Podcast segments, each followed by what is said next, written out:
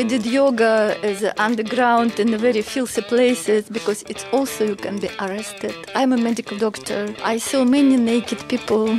All people have the same structure. They have the same internal and external organs but they belong to different religions. I feel a big part of the angst, the anxiety that we feel as Maltese people is that we don't really understand where our roots are. All dictators are immature personalities that sort of in compensations of their pain, internal pain, they develop some masks, some personas that they hide behind. Okay, you just threw like three or four bombs, and I'm wondering which one I should follow.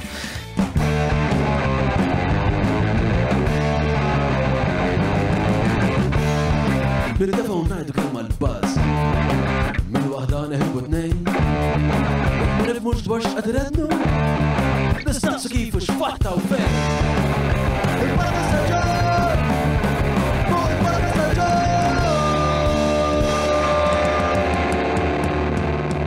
Mela, tlaqna. Merba fl-studio mija illu mandi l-Lidja Babenko li maħħa ħanetħattu dwar ħafna affarijiet, il-konxu, il-persona, ħafna ħwejs għandhom xaqsmu għal-psikologija, għandhom dwar Jung, trauma, l-knisja, l-meditazzjoni. Hija ehm, taħdida vasta li tikkonċerna ħafna il-kondizjoni umana. Qabel ma nibdew nixtieq infakkar li għaw għatta azzjendi li l-najtuna l-appoċ, allura nirrakkomanda li intom fejn tistaw tamlu użu mill-prodotti u s-servizzi tagħhom dawn huma il-Hungry Hippie, il-Browns, il-Vinja Capricci ta' Abram li jipprovdu dan il-whisky delizjus, il-Maple li nfakkar kurnar ta' sibt fil-ħodu ġewwa l-ħwienet kollha tagħhom ikollhom is-sourdough b'tomiet varji pero d-dumux għax jenħatfu u jenħatfu malajr.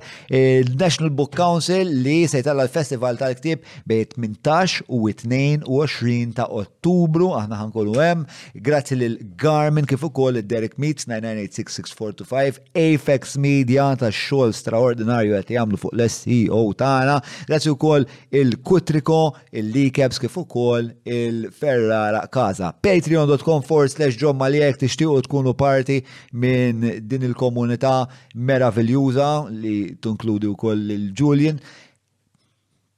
Do with that what you will. Tlaqna fuq il-naħa l-oħra ta' dan il-podcast, ta' dan l-introduzzjoni, jien u Lydia Babenko. Listen, are we rolling? Yes. We're rolling. Okay. So, Lydia, uh, welcome. For the people that uh, don't know your work and don't have your your background, could you just give us like a brief biography? Yeah. So I belong to the uh, Slavic tribe.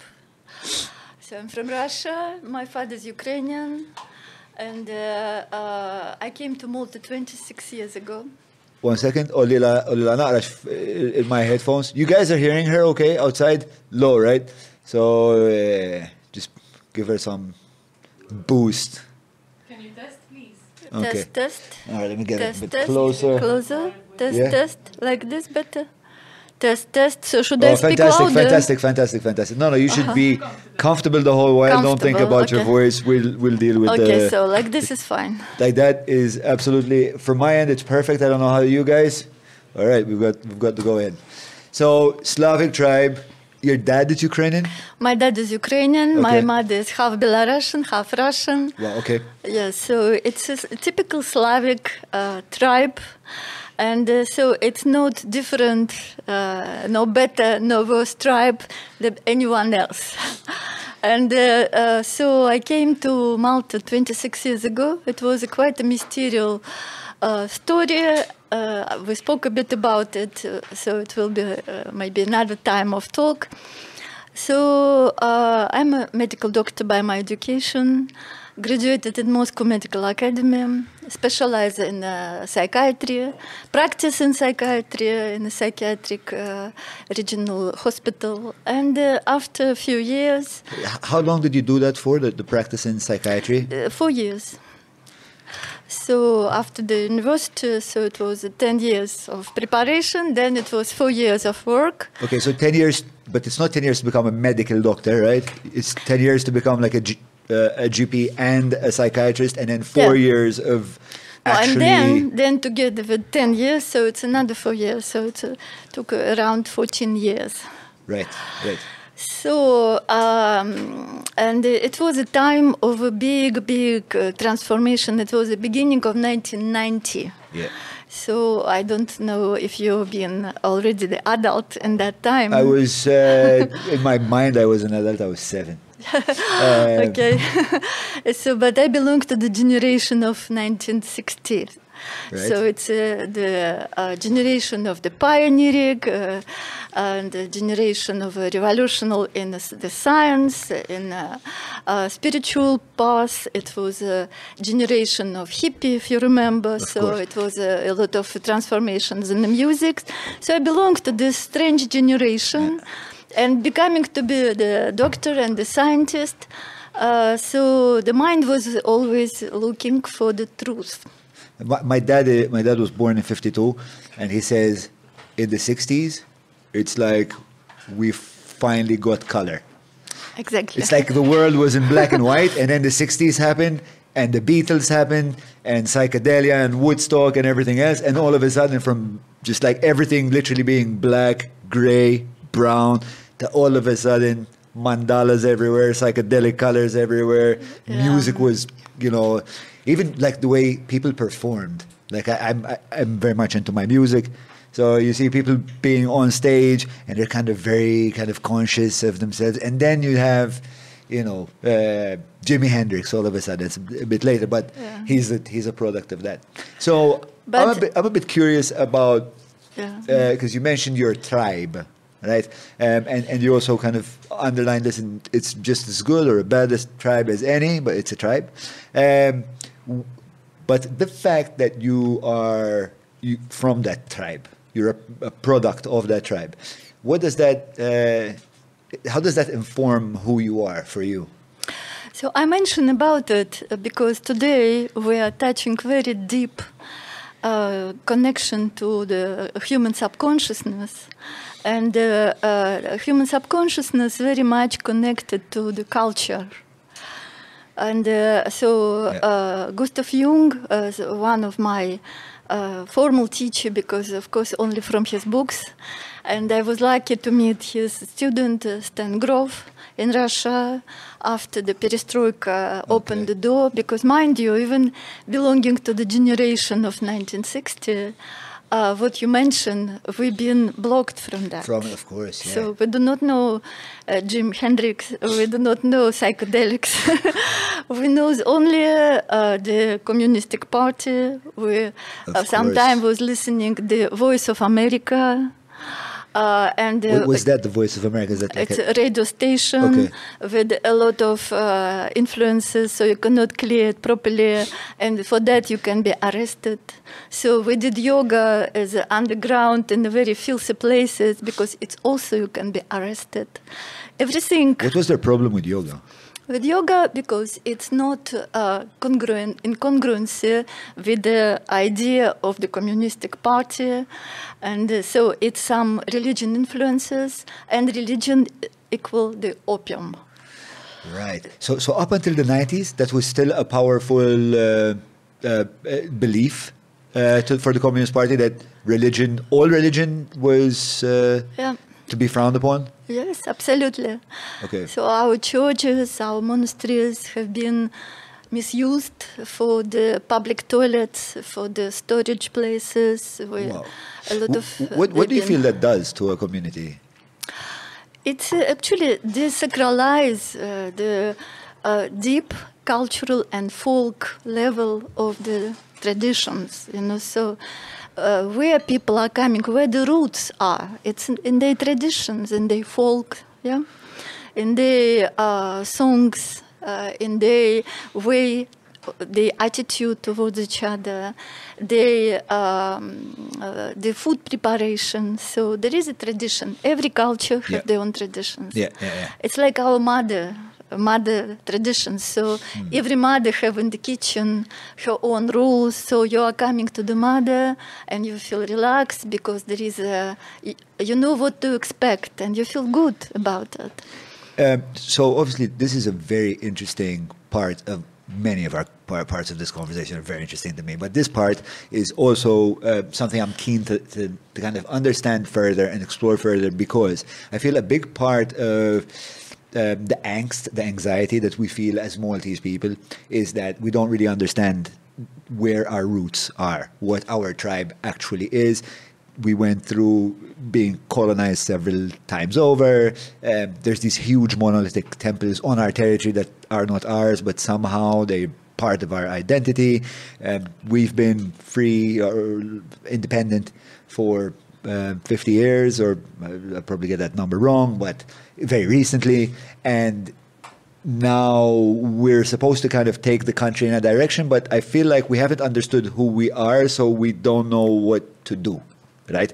So uh, maybe we can just, for the for the sake of the conversation, maybe a few specifics of what your tribe gave you, like in a bit more, uh, in a bit more kind of detail of how kind of this has perhaps affected your subconscious. You think? Well, my grandma uh, uh, lives in the um, sort of borderline between Ukraine, Russia, and Belarus. And she was a, healer in the village, and she healed from many different disorders, included the po- snake poison, included uh, serious condition. Uh, she can uh, she used uh, prayers. She used special spells with herbs. With um, most of the time, it was uh, sort of it have a, a Christianic way. However, because we have no religion, so atheism was our religion, it, everything was very secretly done. And I remember being a child, so she was taking me to the forest to recognize some plants, uh, medicinal uh, plants, and uh, I heard her prayer when I twisted my leg or I fall on something or I have some problems with my head or with my tummy. So I saw how she treated other people, and it's like um, it's my resource. My resource. Of course, later on, when I choose medical uh, path, um, uh, she sort of have been alive. However, I've been a bit brainwashed. So I was so proud to be a scientist Yeah. that I didn't recognize it as a treasure. So Right. I refused to learn from her. But later on, when she already passed away, I started to receive her messages in my dreams. Okay.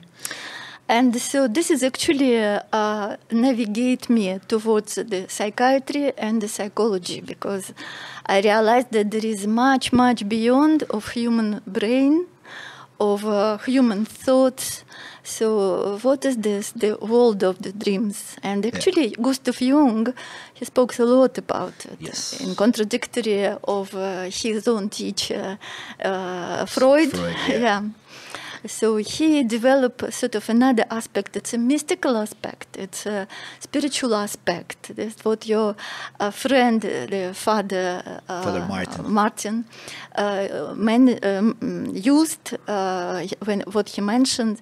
It's a, a essential part of the religion. So the religion must be alive. We have to be involved into the essence of the spirituality. The spirituality, the essence of religion. Okay, let me let me just um, let me just kind of crystallize a few of the things you said, and kind of we're we're going to walk it a bit slowly because Yeah. I'm realizing we're throwing terms out there like the subconscious, for example, and we haven't really explained that, and and, and there, there are people out there who perhaps have never interfaced with the term itself.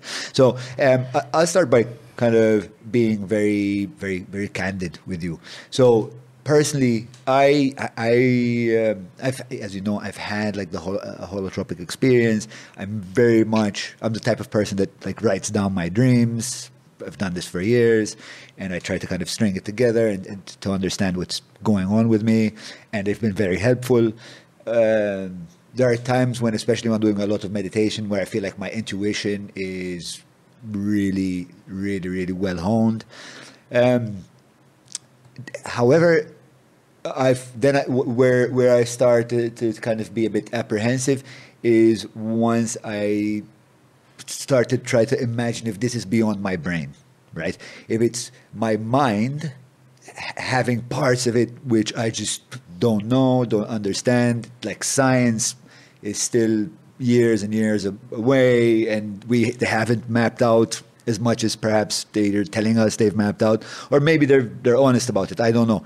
Um, so so for me, that is kind of the, the the the hard part to like. I don't know what is if what the term mystical actually means. If it's something that is supernatural, I'm not really. Uh, I can't for sure say yes, that's it. But if it's like parts of me that I know nothing about and that I can just like interface with, like through intuition or through the dreams um, or through just like writing freely, for example, there I think there is a lot we we really have no idea no idea about. So so let's start with a few definitions. So correct me wherever I'm wrong, and I'm probably going to be wrong multiple times tonight.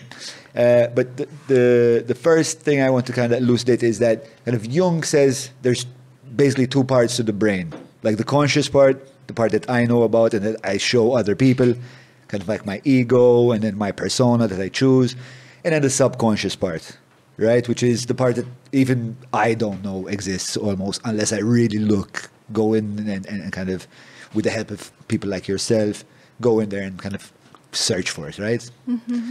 So let's start there. Maybe you want to explain to us this model of the conscious mind, the, the, the unconscious mind, and so on and so forth.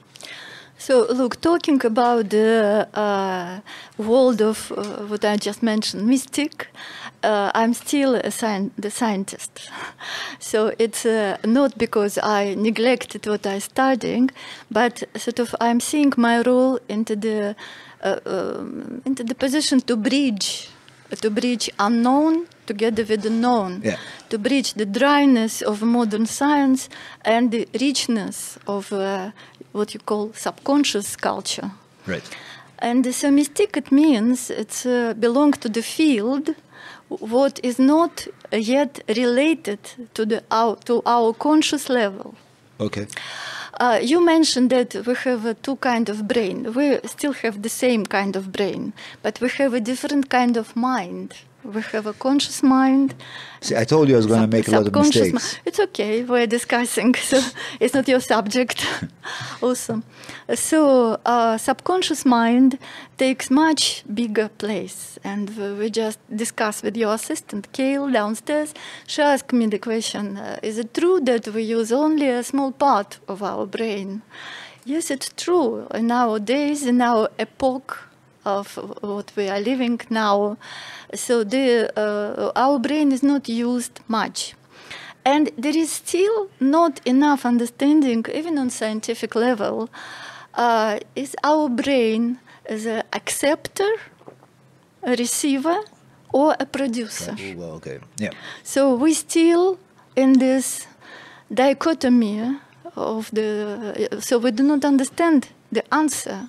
Not one scientist will tell you exactly what is this, because our brain is a acceptor, the receiver, and also can produce Sure. that what we are receiving and what we are producing. So we still uh, in a lot of enigma. Uh, saying that, uh, we still have uh, some material, some solid material, what we can repeat with our experiments. Like what, for example? We can see that human mind have uh, particular patterns, and that patterns are repeatable. And these patterns are repeatable. Doesn't matter people want to repeat them or not. For example, I have uh, clients for psychotherapy. They think whatever I do, I do not want that, but I'm always attracted to similar kind of people, Yeah. or I always have the situation. It's Yeah. repeating and repeating. So it's just shown that we are inside of some pattern, uh, in some program, if you want to say. So it's like you were always in a podcast of John. so we're never out of this podcast. So we're It's not a bad deal. It's yeah, it's not a bad deal. yes, but maybe uh, sometime we need to go to the podcast of I don't know Clara Juice. yes, so just to break the pattern. Sure. You understand me? Yes, and and so, from my understanding, uh, the unconscious mind is the part of me that I don't know is kind of like a part of me, but is having huge influence on my life. Huge. Which is why I wind up uh, making the same mistakes, losing my temper at the same things. um I don't know, just destroying relationships that uh, in a similar way, like I just did the last one when I promised myself I wouldn't, I wouldn't do that. Uh, so, is that correct? First of all, Yes, it's absolutely correct. And uh, uh, the psychologist will tell you that the conscious mind is uh, sort of trying to manage, but subconscious mind is ruling. So Right. we will be in this automatism of uh, repeating and repeating similar pattern. Right? until so if there is a chance to move it to move out of that trap.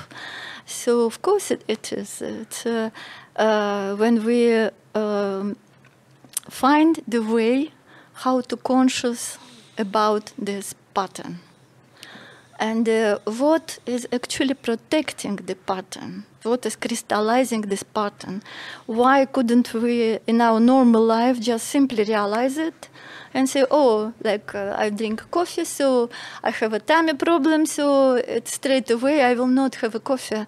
Why couldn't i do the same with my psychological pattern because we do not understand the root of that. Maybe some time ago, this particular pattern was a surviving mechanism for you. Right. And your mind is uh, connected to that pattern and use it as a surviving mechanism. You do not need anymore. But the mind have this uh, uh, habit. So it's uh, driving without your consciousness. This is why uh, in nowadays many many places, uh, rejuvenation centers, yogas. What is the purpose for that? To bring people into the level of conscious mind, of being. Yeah, we're saying mindful. What Yeah. is the mindful? So when you understand what is going on with you, when you are not just automatically doing things, Yeah. you're not just every morning standing up and going to your job, so you're driving your car, Yeah. you are very disciplined, you are very structured, and uh, so even though you do not have life, you do not have a joy, because in the evening to relax you need to drink or to smoke some particular substances or to do sometimes very stupid things Yeah. for yourself just to break this tension. right. So that is the problem for our society. The same time, we have the techniques that help us to connect to this part of our mind and to realize it. And uh, so that's the story. This is where uh, Stan Yeah. Grof came out and uh, etc. So I've had plenty of experience with things like mindfulness meditation, um, flotation tanks, um, and well, uh, well, actually, I'm uh, I'm going to exclude float, flotation tanks from that list because that was a very particular, uh, it's a particular, very different type of experience. But when I've done uh, mindfulness, particularly when it's much more kind of secular, I guess. It's just a calming uh, agent for me, uh, where where I realize that my, my, my brain is perhaps excessively energetic and not energetic in a focused way. Maybe it's it's uh, it's spreading its energy across too broad a bandwidth, and I'm wasting my capacity for, for productivity. So when I do mindfulness in that case, it would just be a case of me sitting down, observing the darkness behind my eyelids, for example, for 10 minutes or 20 minutes or whatever. Um, but I've never kind of peered into uh, my subconscious in the way that I have when I've done holotropic breathing, for example, or in the way when now I hate poetry, but sometimes I write poetry purely to, to see what's going on, like in the in the back room.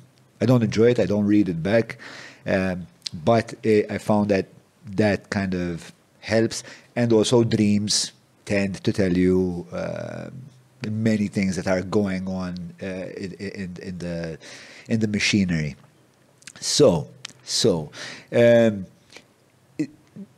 where do you think we should we should go from here? Do you think we should analyze kind of the, the two main parts, which are like what we present to people and, and, and you know, like how we interface with the world. Or perhaps the more interesting stuff is what's going on in the back, you know, the, the shadow, the, the, Yeah. the archetypes, and so on. Yeah, I feel that a bit unclosed uh, question of you about Maltese. Um, so I have something to Fair say. yep. To say because uh, in Malta I discovered uh, quite interesting persona, and it's actually maybe not persona, but it's a, a conscious being. Unfortunately, he has already passed away. Frenċ tal-Għarb from Gozo. And uh, so I made the memory of him, of his, uh, through my client. So they told me that there is a, it was a healer and he have an amazing experience, spiritual experience, and he been healing people with the plant and with the prayer. Of course, I was very curious about that, and I went there, and uh, uh, I really feel that uh, sort of uh, there is a museum. Probably you know the place, yes, in Għarb. Yes.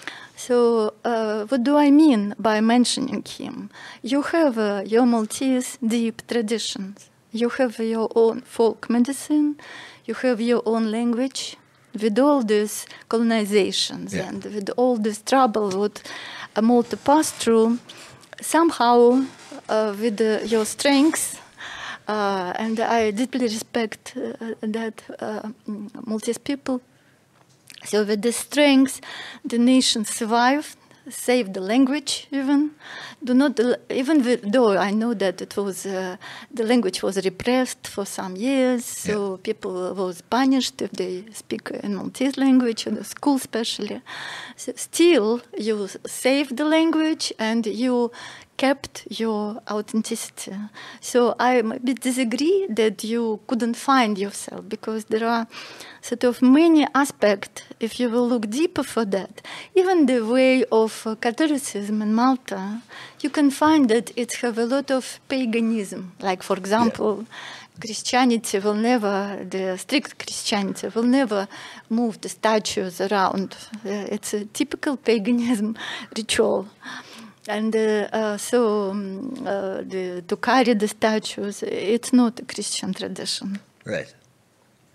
However, uh, people believe that it uh, makes big sense and deep meaning, and probably it is. If people believe for that, you know, people will not believe just for nothing. So there is a meaning, and most probably it was some result. And so uh, this identification of this small um, uh, aspect of culture, your għana, yes, the folk songs, Yes. Kept a lot of history about Malta, what was really happened, not just by official history, uh, this uh, Malta experience, yeah. So what Knight did, how they been good. They wasn't good for Malta at all. we will not go to that subject, but it was a lot of harm for Maltese tradition, yeah, for the peacefulness of the island. However, it also have a aspect uh, of positive positive aspect. So if it's help uh, to develop, it's help to The knights, you mean? Yes. I The like- yeah, Yes, from the from a let's say a economic standpoint. Yes, From an architectural standpoint and from a systemic standpoint, I think there was Yeah. a lot of benefit. Yeah. But I'm sure, as as things were at the time, no, like when the, the colonizers were seeing the people they colonized as almost non-human in some cases. Sure, uh, and it, was very, it was very hard because people have been killed. Uh, so uh, and they've been humiliated badly. They've been women was raped. Uh, uh, however, uh, the nation still saved the authenticity. And uh, I always telling in a conversation with Maltese, if the nation can uh, um, do uh, have a lot of self humor, Yeah. Uh, self-skepticism, it's a very healthy mental condition of the nation. Yeah, I, I think I think we have a fair, uh, fairly good relationship with self-deprecation. I think we can we can tell jokes about ourselves Yeah. a fair bit. I think what concerns me is that, um, so for example, when it comes to the architecture, that m- most of which we've inherited, but somehow we still associate it a lot with our with our identity. A lot of that is getting lost uh, and getting replaced by buildings that have no character, like no identity, and that and that is just like one way one way in which I feel the collective Maltese mind is expressing itself in the world, and that's kind of by building these huge blocks of concrete that crush the landscape. And for me, that's a very dramatic image, and it's an image of a country that has lost its touch with its identity, and it's whitewashing it with these structures that have no character. Look, the architecture, the technique, technology, it's something on the top, on the surface. But the most important is the cultural roots. So save the roots.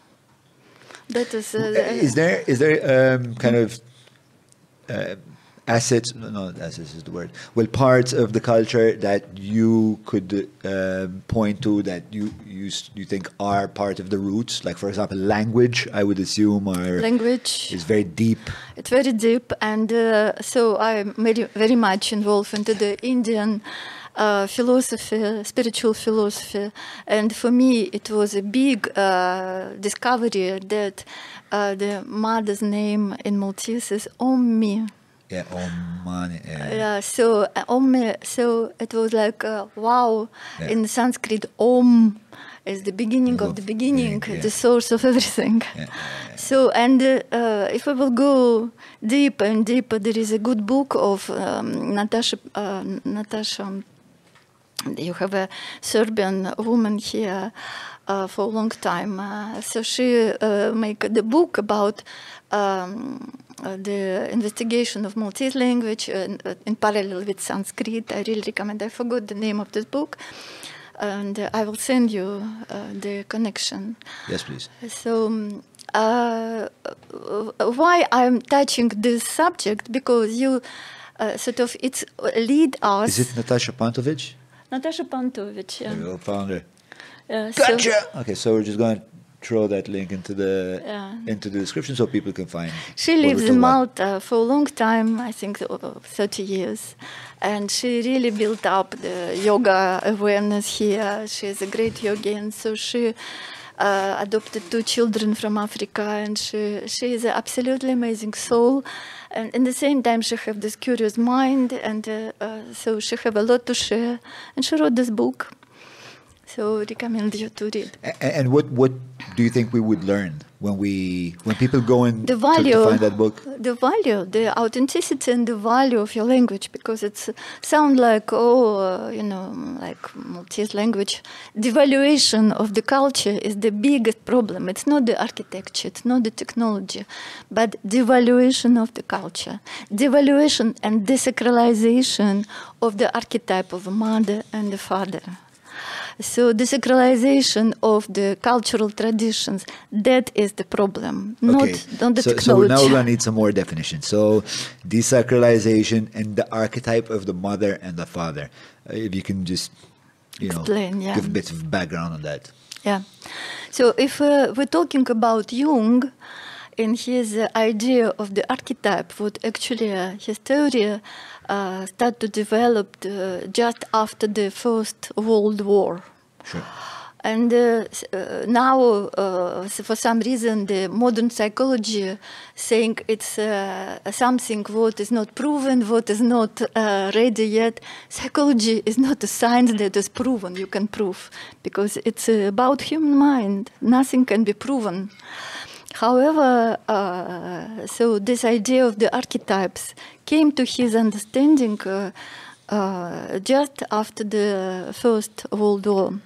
And uh, uh, so his basic, but before that, uh, it's not actually his original idea. The archetypes came from the Plato, you know, the great philosopher Plato, what we uh, use as an authority, authoritarian figure for culture, for geography, for uh, history. Uh, so uh, he the was the first who discovered that uh, human races, that doesn't matter which culture, have uh, different figures that people sort of following. Yeah. What are these figures? It's the archetype of a mother, child, uh, archetype of a father, archetype of uh, anima and animus. Yes, what now people talking a lot about divine femininity, divine masculinity. It's all addressed to the uh, Gustav Jung awareness, who bring it um, just uh, uh, like integrate the ideas of Plato. Okay, so let's um, study the archetypes a, a bit further. Um, so, what is the job of the archetype in, in a society? And, you know, and, and perhaps we can just start from, you know, when, when Jung kind of got his hands on it, because Yeah. Plato and the idea you were talking about. You were talking about Plato and the ideals, right? Where you had these figures. Yes, but yes. with with the with with the Jungian archetypes, um, how did uh, Jung see the role in in our in our psyche of the archetype? Is it is the archetype is archetype something that is there for me to aspire to, or is the archetype something that I see in society and immediately want to follow the warrior or or want to protect the child, or what is or is it both those things? Uh, look, uh, f- now there are many and many more and more evidence from the scientists, from the biologists like uh, Yeah. Sheldrake, uh, and uh, uh, there is a huge theory of the noosphere. Uh, it's like the mental sphere of academic Vernadsky. And so it's a, uh, a theory of the um, biofield uh, the field of consciousness that is beyond just uh, individuals. And in this field, what what is this field? Probably it's electromagnetic. It's like our library, Right. what we produce generation by generation. Right. And it's like a model. It's like the child is born, and who this child will see. If the child will see the dark, it will follow the dark. In the story of the Mowgli, so the Mowgli follows the wolf. Uh, so if you see uh, this particular mother, woman with the particular characters, and uh, man with this particular characters, so of course you will see them as the example. Right. And uh, probably you, you uh, because you have children, I know, and maybe you notice that uh, when they've been young, very young, they copied. They, I, saw when a little child walking with his nanos, Yeah. and he's trying to copy the way of Yeah. walking of the nanos. Yeah. So because children are like that.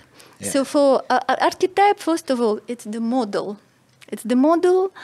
Uh, now this archetype, uh, you can call it shallow archetype, but it's already exist. It's like a Superman, the Okay. uh, Battleman, yeah. Like Spider-Man and all of these. Spider-Man, all these heroes, yeah. Uh, Tom and Jerry, who Is, is Tom and Jerry considered an archetype? So archetype is anything that we emulate. it's uh, like a model, yeah. Uh, it's a model. okay. Like a model. Uh, I would think that there are some archetypes that are better than others. Sure. Is that correct? Or Absolutely, yes. That is correct, There are, uh, there are, uh, but it's still the model. It's actually neutral, but it's our um, human mind have to put the value on that. So sacralize it or de- desacralize it. Like what, for example? We are easy demonizing something what we do not like. So Right. we, in the figure of a god uh, is also the archetype. You know this Yes. uh, Jung put it, but it's not because of Jung. I'm a medical doctor. I saw many naked people. All people have the same structure. They have the same internal and external organs, but they belong to different religions. I do not even know when they naked. I do not know what religions they belong to. So it means there is only one creator, but different groups of people feel that they belong to this particular god. So what is your God doing? uh, like he is a, the creator. Yeah. So, however, we're all the same. So it's very logical to see the similarity that proved us that we have uh, the same source, that we have the same model, and the, the man as a structure is also the archetype. The uh, archetype of the monkey, yes, the archetype of a dog. So when you show the picture, so you understand that the dog is not the cat. Okay. Why? Because the model is like that. And we're saying, so this is a perfect dog. This is so, so what should we know about the mother and the father. But yeah, let's go back to the mother and the father because, as I said, and, and you said that I was correct in that there are archetypes that are more useful to us than others. You say they are neutral and that only depends on like the kind of currency that we give them. If we say they are, um, uh, if we desacralize them or otherwise. Um, but the, the, the, the, the person in me that kind of likes to think that there is some sort of objective morality would like to believe that there are certain archetypes that yield better outcomes. So, but if we decide to, let's say, desacralize the mother, for example, uh, I think what that will yield will be a society that is uh, problematic because it will cause all kinds of problems with, you know, the, the upbringing of children, women not fulfilling their full potential, so on and so forth. Um, so let's let's kind of dive into the utility of the archetypes in society. I think we, we've understood what the archetypes are, which are kind of like these models that we can emulate. Some archetypes are more important than others, um, and they are only given value insofar as the society decides to give them value. Um, so uh, let's kind of dive into why. Uh, why certain archetypes are more important than others, Yeah. and and the mother and the father especially. Yeah, yeah. So this is very, very important question, even for the uh, psychology of a human being, because uh, now probably you heard that we have a lot of family uh, psychotherapy, a Yeah. lot of counseling, and uh, so we have uh, from one polarity to be totally independent, we're going to another polarity. Uh, children blames their parents uh, for how they are bringing. Yeah. They do not have enough. Children do not have enough love, do not enough attention, do not Yeah. enough blah blah blah. As you notice. so it's like a two polarities, but the truth is in the middle. And what is the middle truth? The middle truth is that we are searching for some archetypal figure that we already knew that can satisfy us. And what is this archetypal figure? It's connected to the feminine and masculine uh, nature. As you know, so also it's going through different cultures. Uh, in uh, uh, Asian tradition, it's called yin yang. In Right. uh, uh, European tradition, it's called anima and Animus, animus. okay. And so in Indian tradition, it's called Shiva Shakti, etc., etc. So it's a dance between two kind of power, female and male. And of course, the first archetype uh, or first model what the child can see is the mother is the first female, and the father is the first male. So, and because the child uh, is uh, born quite in a helpless condition, yeah, cannot walk, uh, do, cannot provide the food for himself. We're actually very uh, hopeless creatures between all the animals that can stand up, uh, stand up on their own legs and follow Yeah, their like mother. the horse like falls out of the Yeah. mom and just runs off. Absolutely. So we are different. Why? Because we sort of have a much more complicated constitutions and we prepared for different journey through life Yeah. because we have different mind. So uh, this mother and the father, what we have, will sort of, if you want, initiate us. It's like attune our perceptions. Right. So it's like a musical instrument attuned to the particular tone, tonality. Yeah, and uh, once you attune for that, you will sound in this uh, tonality.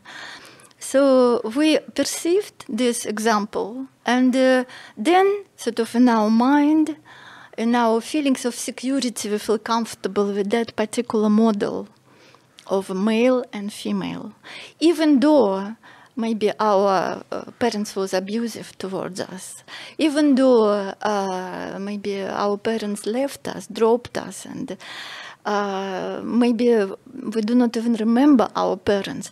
Some perceptions are there.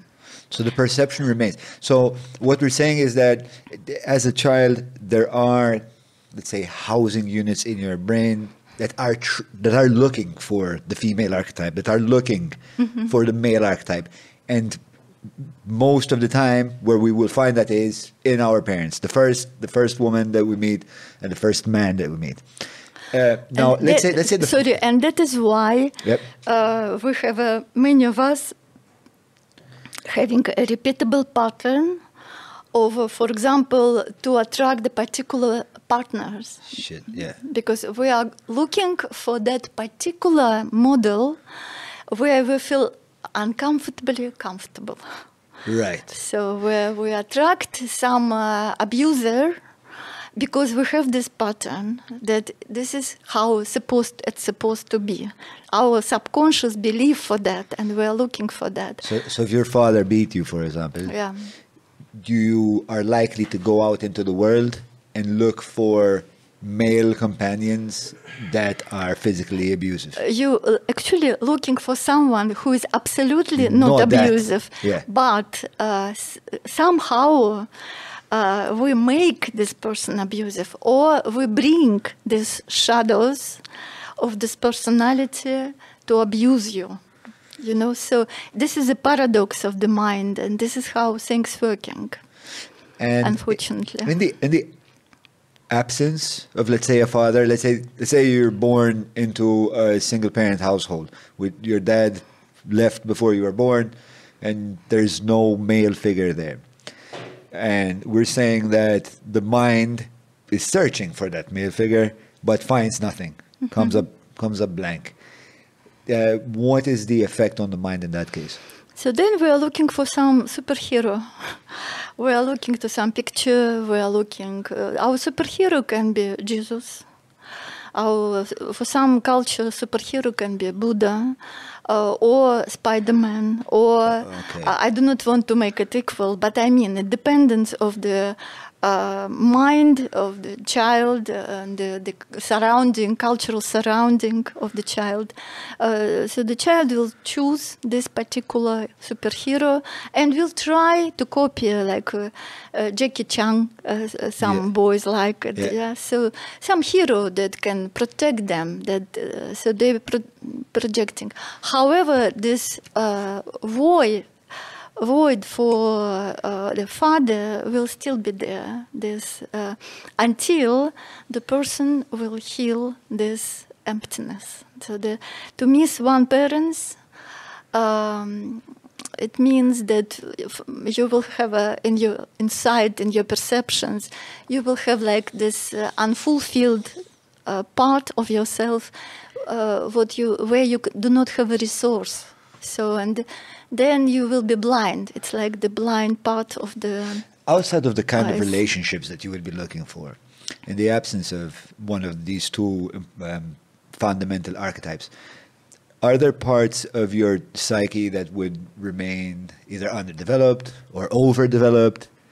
Are there other any other effects that that you've kind of noticed in, in patients that have had a missing either mother or father?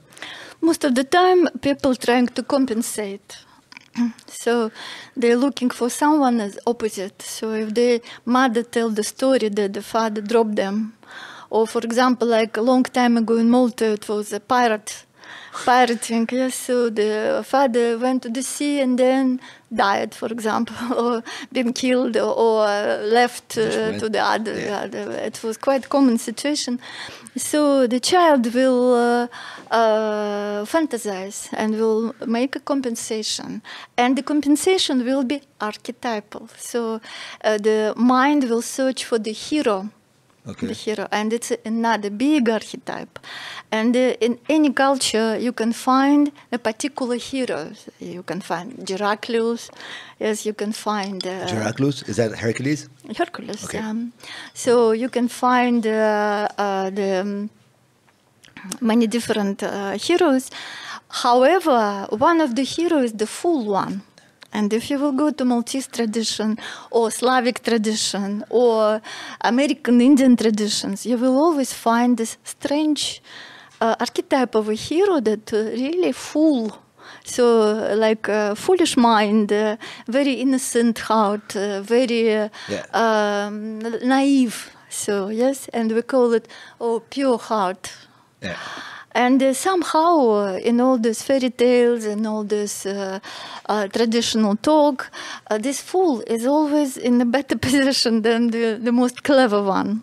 Yeah. So, and this is uh, the this fool represent. We're talking about Ġaħan here, right? Soul. Yeah. Ġaħan in our case. Yeah. Uh, it's in multi tradition. It's Jahani. Yeah. So you have it in your tradition because everyone, each culture, Yeah. knows about that. That the full one will be the best. Why?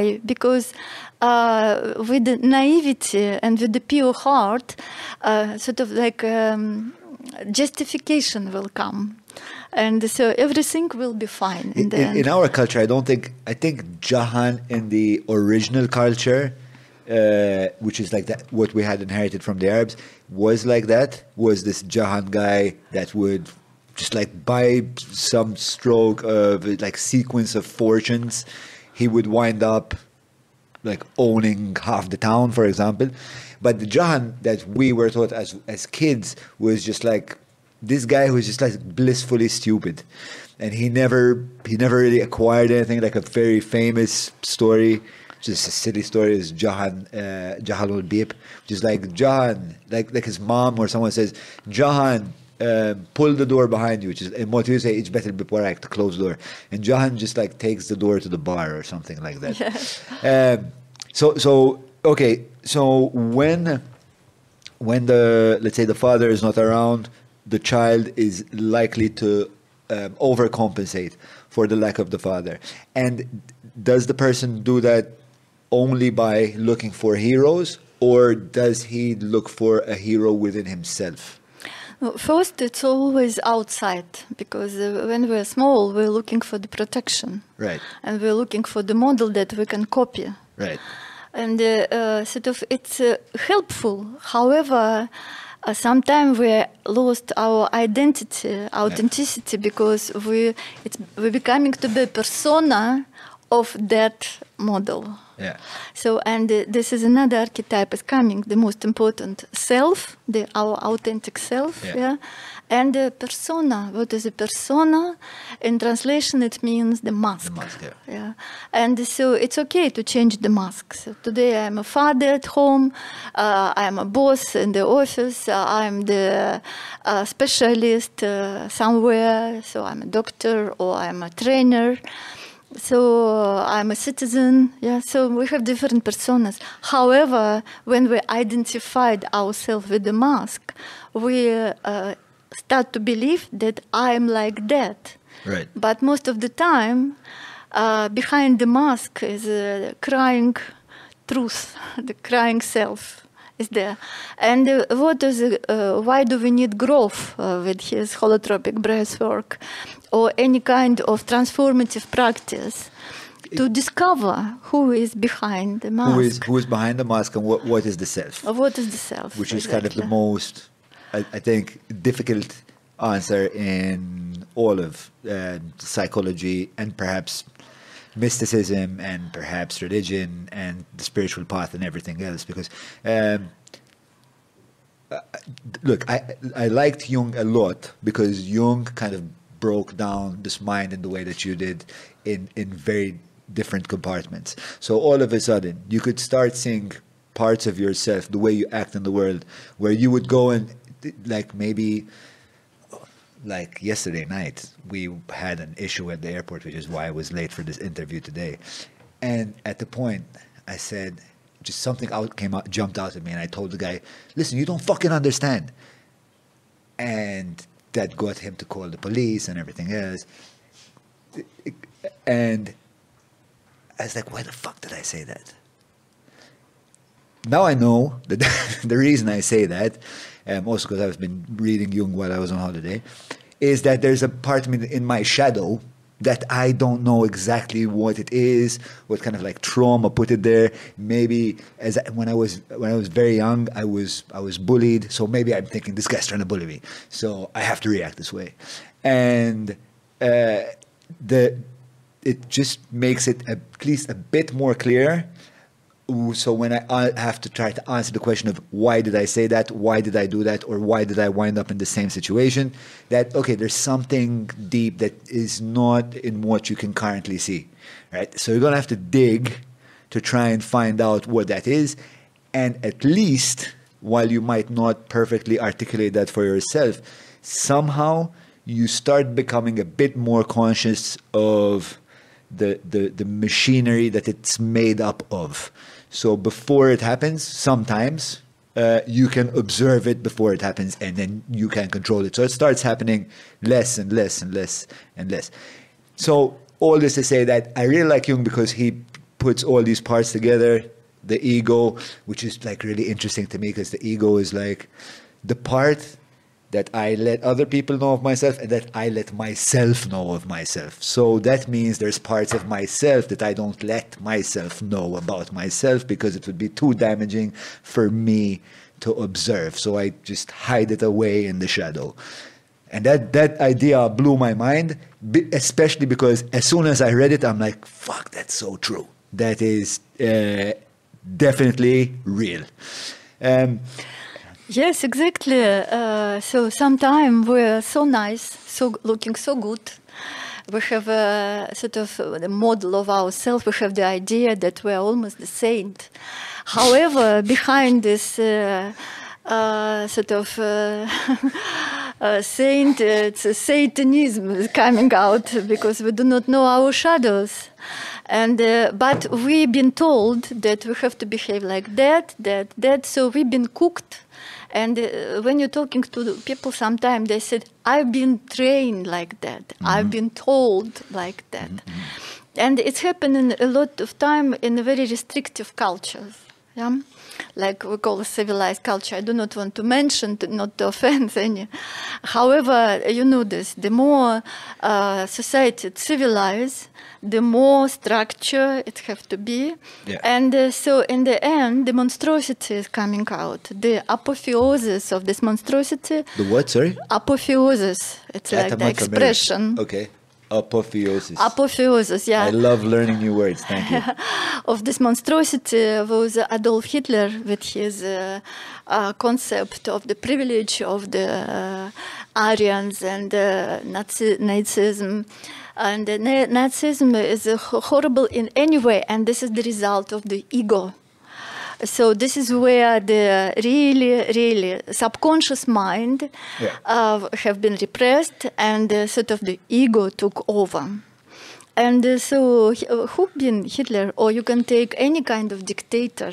Right. So you just mentioned that you've been a bit aggressive, and you broke the boundaries, personal boundaries of some guy, because you said like this, you've been very aggressive.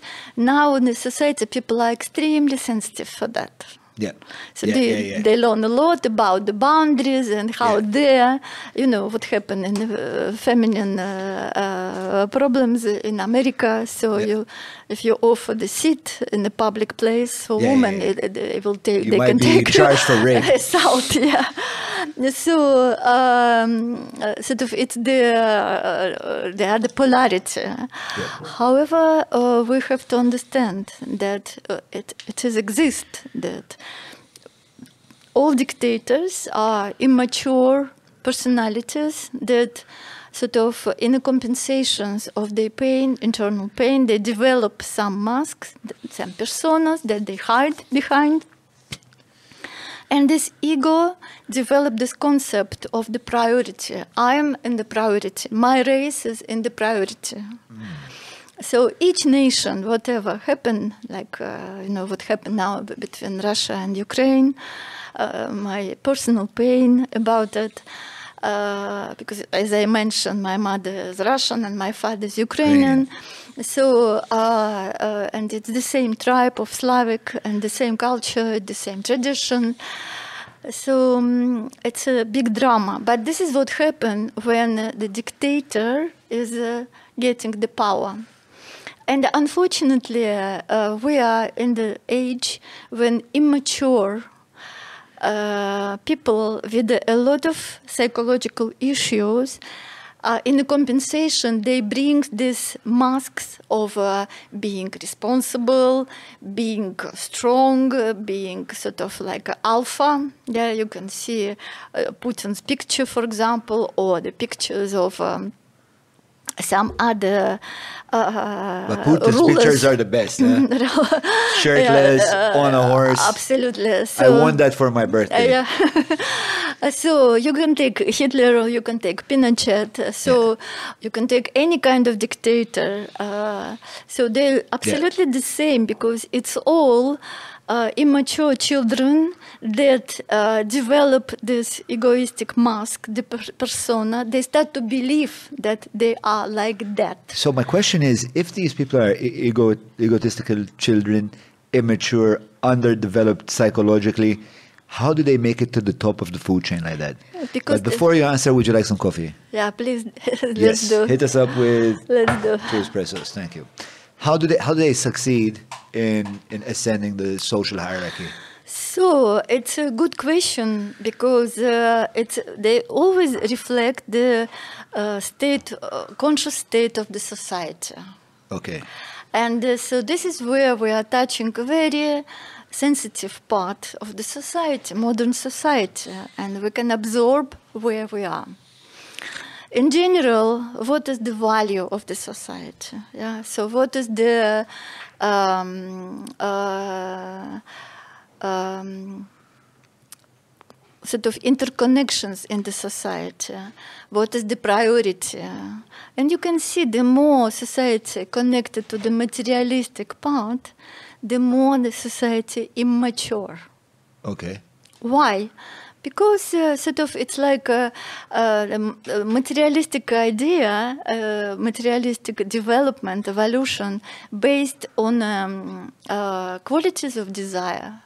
I want that. I want that. I need this because it will make me stronger.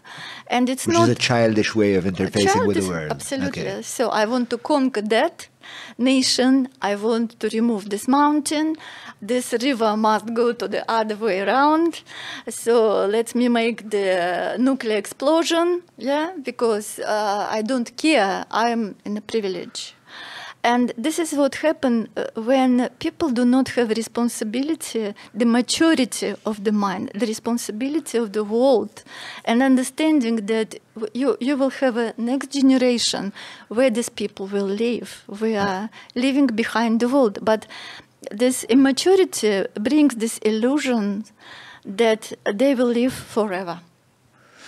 They are Is there the counter side to, to, to, to having excessive materialism? Because wh- while you're mentioning, you know, problematic societies that tend to be too materialistic, I'm also thinking, but there's other societies that are excessively uncivilized and they wind up causing pain in other ways. So, Well, if you will take the uncivilized uh, uh, cultures, uh, you can see the Amazonian cultures. You can find. Just go to the Asia, go to the Africa, to some deep places. You can see how people are living. They are. Uh, living in the society that is uh, pricing the land where they are. They uh, develop a special relationship uh, in uh, um, good hierarchy uh, based of uh, respect and uh, respectful authorities. Not because I am the powerful alpha, but because I know the value, so the wisdom uh, bring them to these qualities. So they take care of the land. They call it sacred land. The you know American Indians, uh, uh, African Amazonian cultures. So um, and it's like, for example, American Indians, uh, from my understanding, and it's not like I know too much about about that, um, the way that culture developed. But when they became more materialistic, like and they developed into their little cities and then eventually the kingdoms, Yeah, they, they- became far more brutal. They're starting to, to massacre everyone around. Is it just like so? Two que- two questions. So, so one is it just like a case of a cycle of how societies just tend to develop and they just tend to become kind of more uh, self-centered and self-absorbed and individualistic, which is a bit what we're seeing nowadays, which is what I think is a part of the things that's leading to more suicide, more um, anxiety, and so forth. And the other part is um, more of kind of like a footnote, because while um, let's say the West, for example, is more materialistic and is causing these things that we're both agreeing upon. The, West's propensity for being materialistic, I think, pushes pushes us towards improving our technology, improving our medicine, improving our transport, improving this, that, and the other. And the consequence of that has been things like less childbirths, better control of our health in general, um, better access to transport. So it, there, there is kind of like a positive trade-off as well. Is it possible to have the cake and eat it? Is what I kind of want to get to. uh, global question, as you know this. Um, that uh, it's true. The world now uh, more and more into the polarization process, and even in the same society, there are people who um, sort of uh, reject to follow, to be uh, in a business. I know quite many. Uh, good people, they are children of very successful business people. They just refused to follow their parents' path because they feel it's unfair. They feel it's not matching to their nature. So um, uh, you ask uh, quite global questions. So, according to the tribal people, they've been spoiled badly. And now, what do we have? For example, people in Africa. Africa is one of the richest continents. course, yeah. And what happened? Uh, the white man came there with his Coca Cola, with his uh, ideas how things have to, to work, and uh, exploit the local people. And what do we have now? Yes, like in, in Europe, it's a big catastrophe from the refugees. Malta have to Yeah. deal with all this disaster. Small Malta have Yeah. to deal with the disaster that European civilization brought here. Europeans and Americans, because uh, we are closer. and- Absolutely. So, uh, why? And these people, because I was uh, dealing with refugees even in Malta, so they absolutely lost their root. They lost the hope. They uh, lost their culture.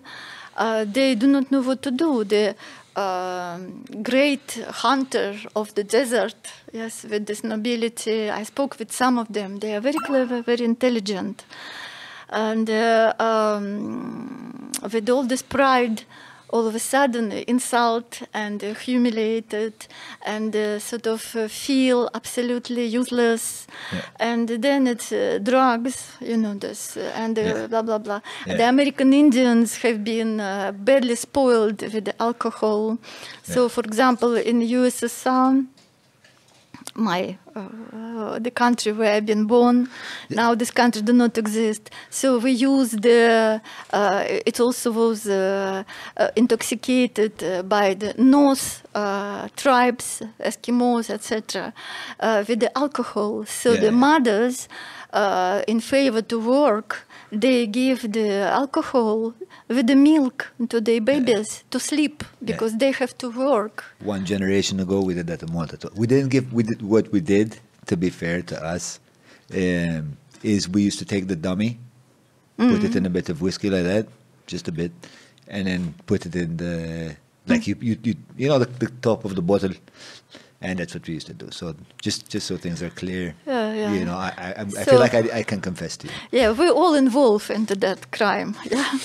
So, but this is the question about what is happening because, of course, this rough uh, male uh, um, attitude, forceful, um, invasive, took the cultures that was in harmony. That uh, this is what I mean: this desacralization of the land because they just took it over.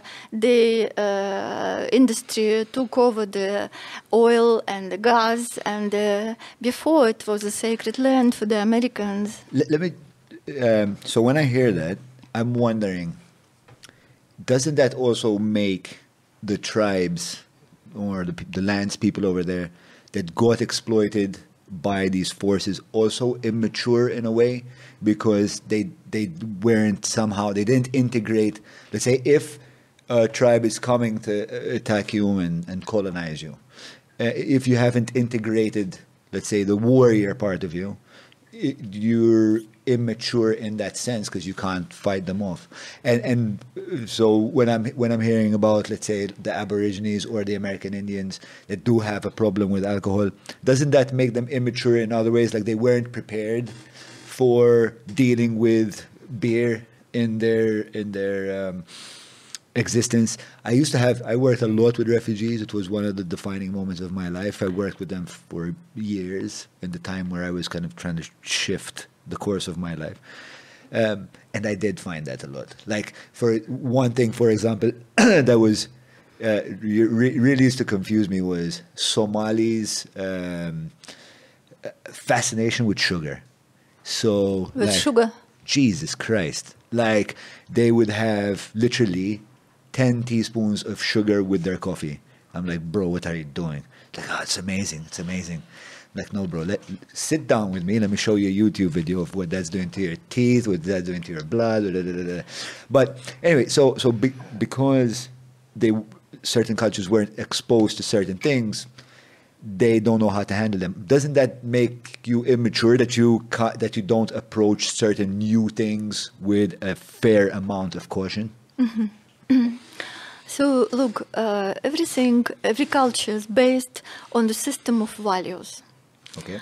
And uh, of course, when the, the material uh, part, material aspect of being is in favor, and uh, uh, the other aspect, the spiritual aspect, is neglected, uh, you are losing the best qualities. And what are the best qualities? It's nobility of your character.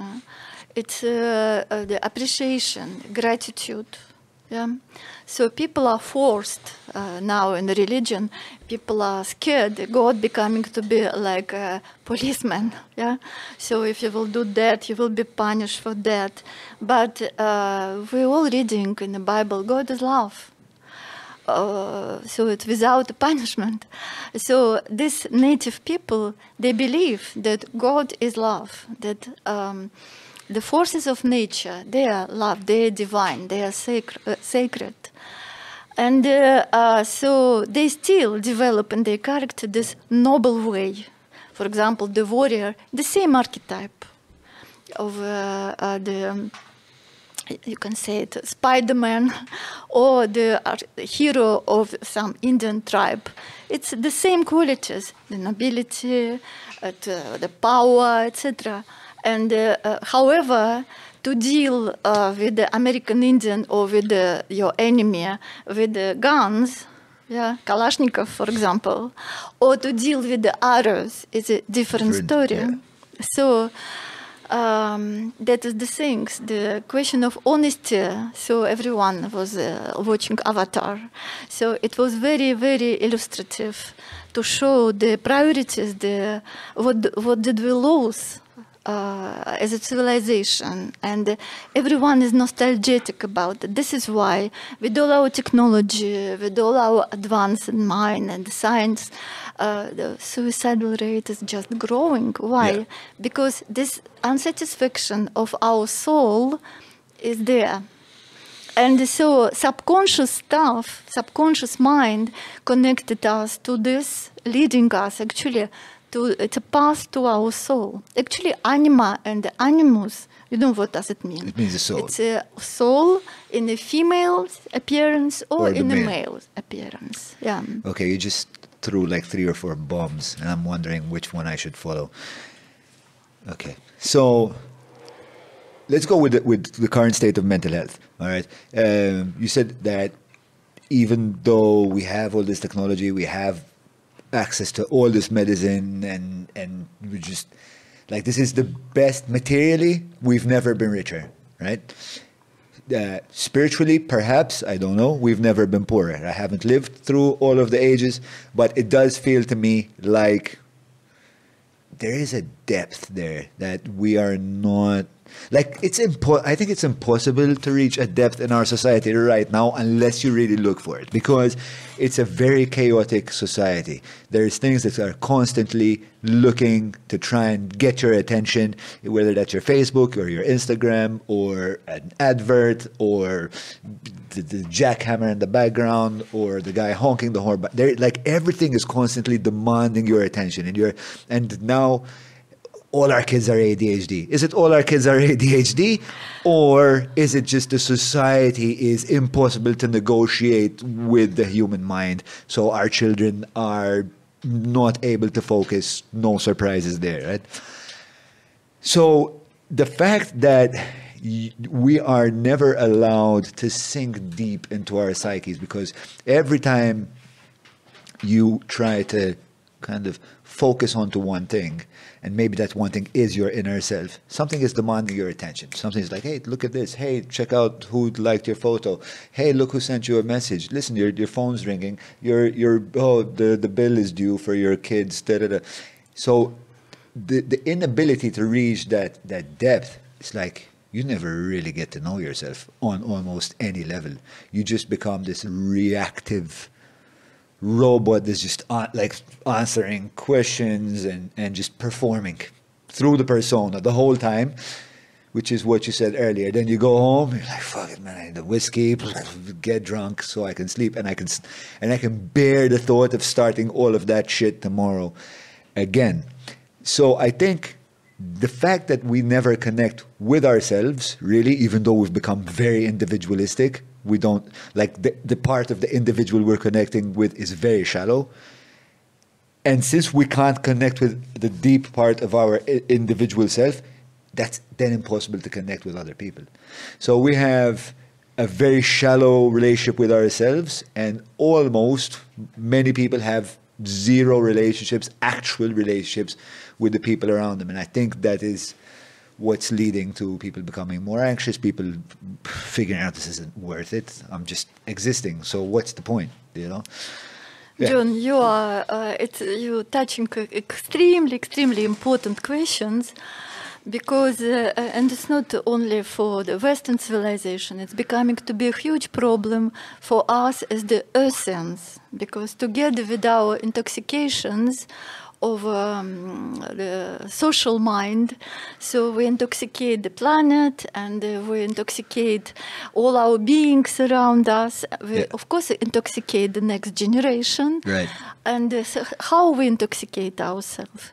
Of course, like um, drugs and uh, alcohol and uh, uh, so excessive uh, sexual uh, entertainment and uh, a lot of uh, watching programs and uh, a lot of this discussion where politicians are fighting with each other so we're involved.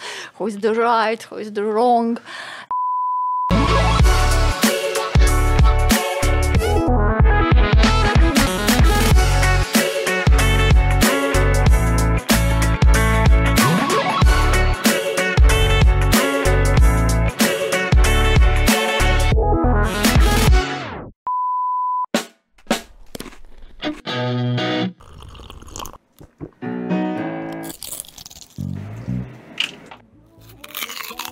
Know your food.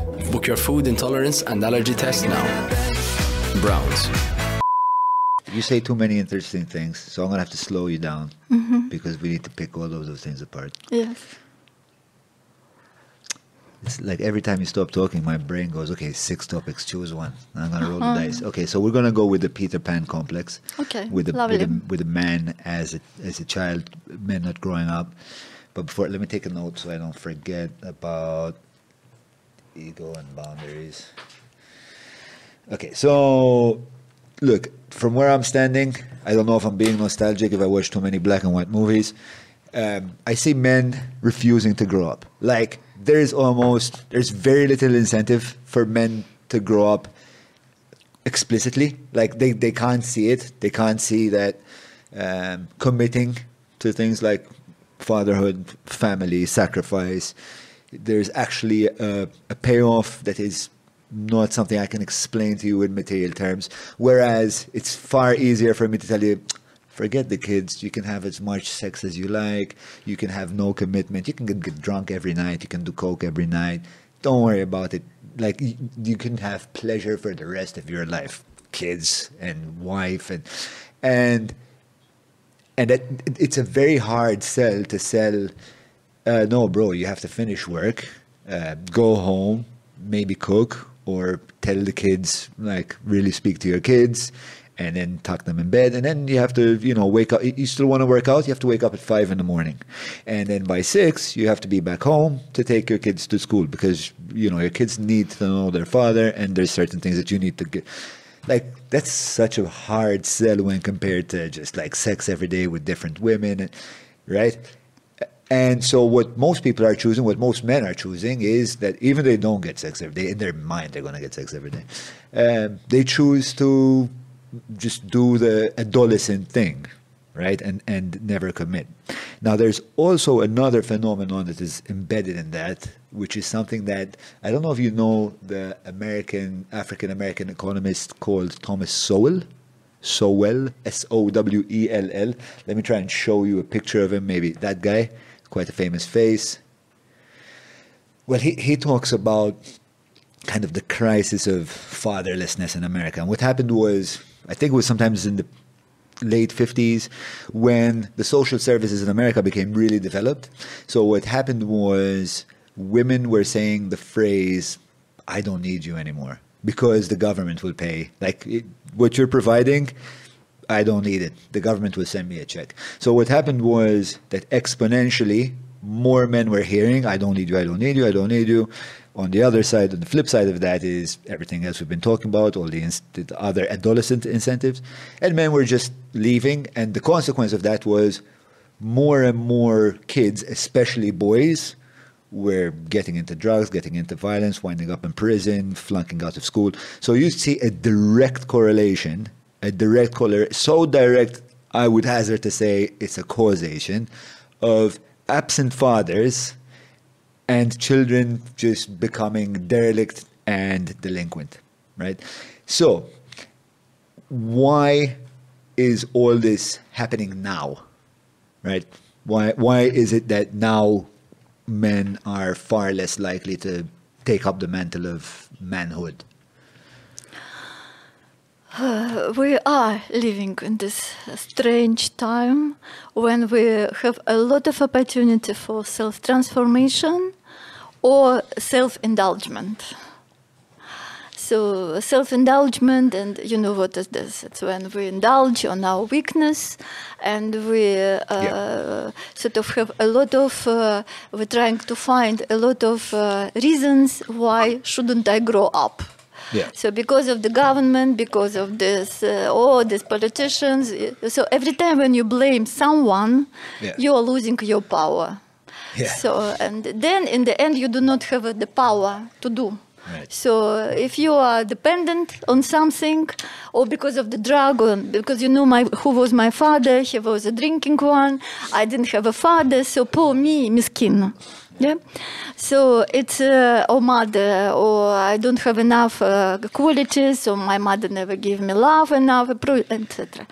So every time when we blame someone, when we uh, put um, uh, when we put the sort of someone in the, the empowering position that I dependent of the, from this person, we are losing our energy.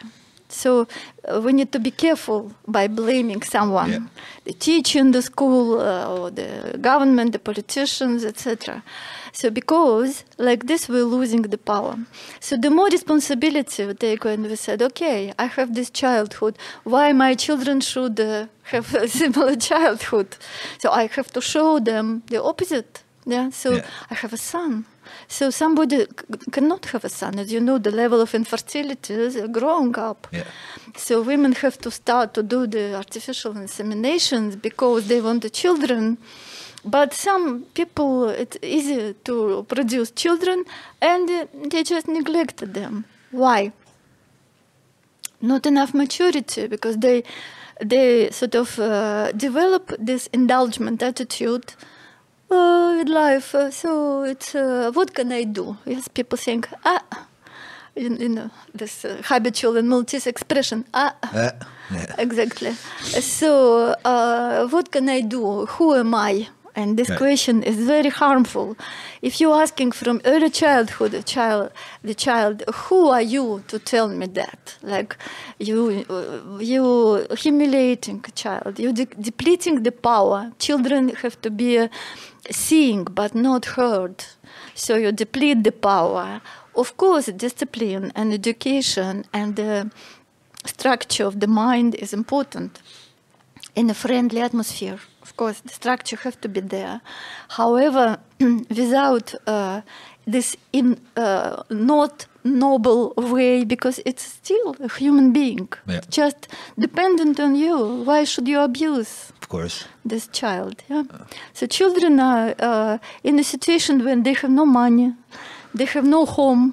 Yeah. They are homeless. Yeah. So we sort of, uh, they are our children. Of course, they are under the, our roof, but then sort of uh, when they're 15 uh, only, so uh, some parents saying, oh, you are under my roof, so you have to follow me, without any uh, trying to speak properly before Yeah. uh, you put your direction. Because I said, so you have to develop this authority Yeah. of yourself before, so the child will know that Yeah. uh, the child will rely on this particular father. And uh, so I found that is the way uh, to uh, to infantilization of uh, yourself, uh, to not to take the responsibility, to blame the others, to blame the uh, external forces. And uh, so instead, to go deeper and to choose this, because still, uh, when you speak with the adult man, and you're talking about uh, deep question, how was your hero? Who was your hero when you've been small? So they do not understand that it's a question of you now. Yeah. So they say, oh, you know, it was this particular person, Yeah. so I put his photograph on my wall. So he was my hero, and uh, so I was very proud to follow. And then what have happened? Then you know what? Life took over. So how life will take over? Uh, um, choice. It's a question of a free choice. What But uh, path you what, will what choose? is i- interesting is why do people Make uh, this choice. Make this choice because if if you're like, let's say I'm watching, for example, Lion King with my kids, they know who they're, you know, they know who the hero is. They're, I've watched the, the the the movie with my kids, my kids' friends. None of them ever thought, ah, Scar is the guy I want to win. Yeah, they all know that Scar is crap. Like you don't want Scar as the head of your society. They know, they understand it, and they're hoping. You know, they're watching Simba, and they're hoping that Simba is going to find the nobility inside of him. He's going to find the power. He's going to, Yeah. uh, you know, meet his uh, uh, meet his anima, which is the, the the girl Nala, right? And he has to integrate Nala into into his being, so he can now become the king that he is meant to be. And but the point is that when my kids watch that, they know exactly what to hope for. They know exactly who to root for. They know exactly who they want to be, essentially. So then, at some point, so so in my kids' brains, there is kind of like, like when we used to collect the football stickers. There is like archetype of hero. Okay, that sticker goes there, and they know it. But then over time, life happens. True. Yes, life is How do we? challenging. Pre- yes, it is. Of course, of course, life is challenging. Yeah. And then we're talking about the social values. Yes, the uh, surrounding, social surrounding. And what happened in our society is we value something that are uh, against the, our The value, values, yeah, yeah, what yeah. we're really in touch with. So, Yeah. like what, for example? Who is the most successful? Who have more money? Yeah. So why? Because the, in the money you can buy everything, and you can fulfill your desires. Yeah. So uh, the highest value is the desire to fulfill your desires.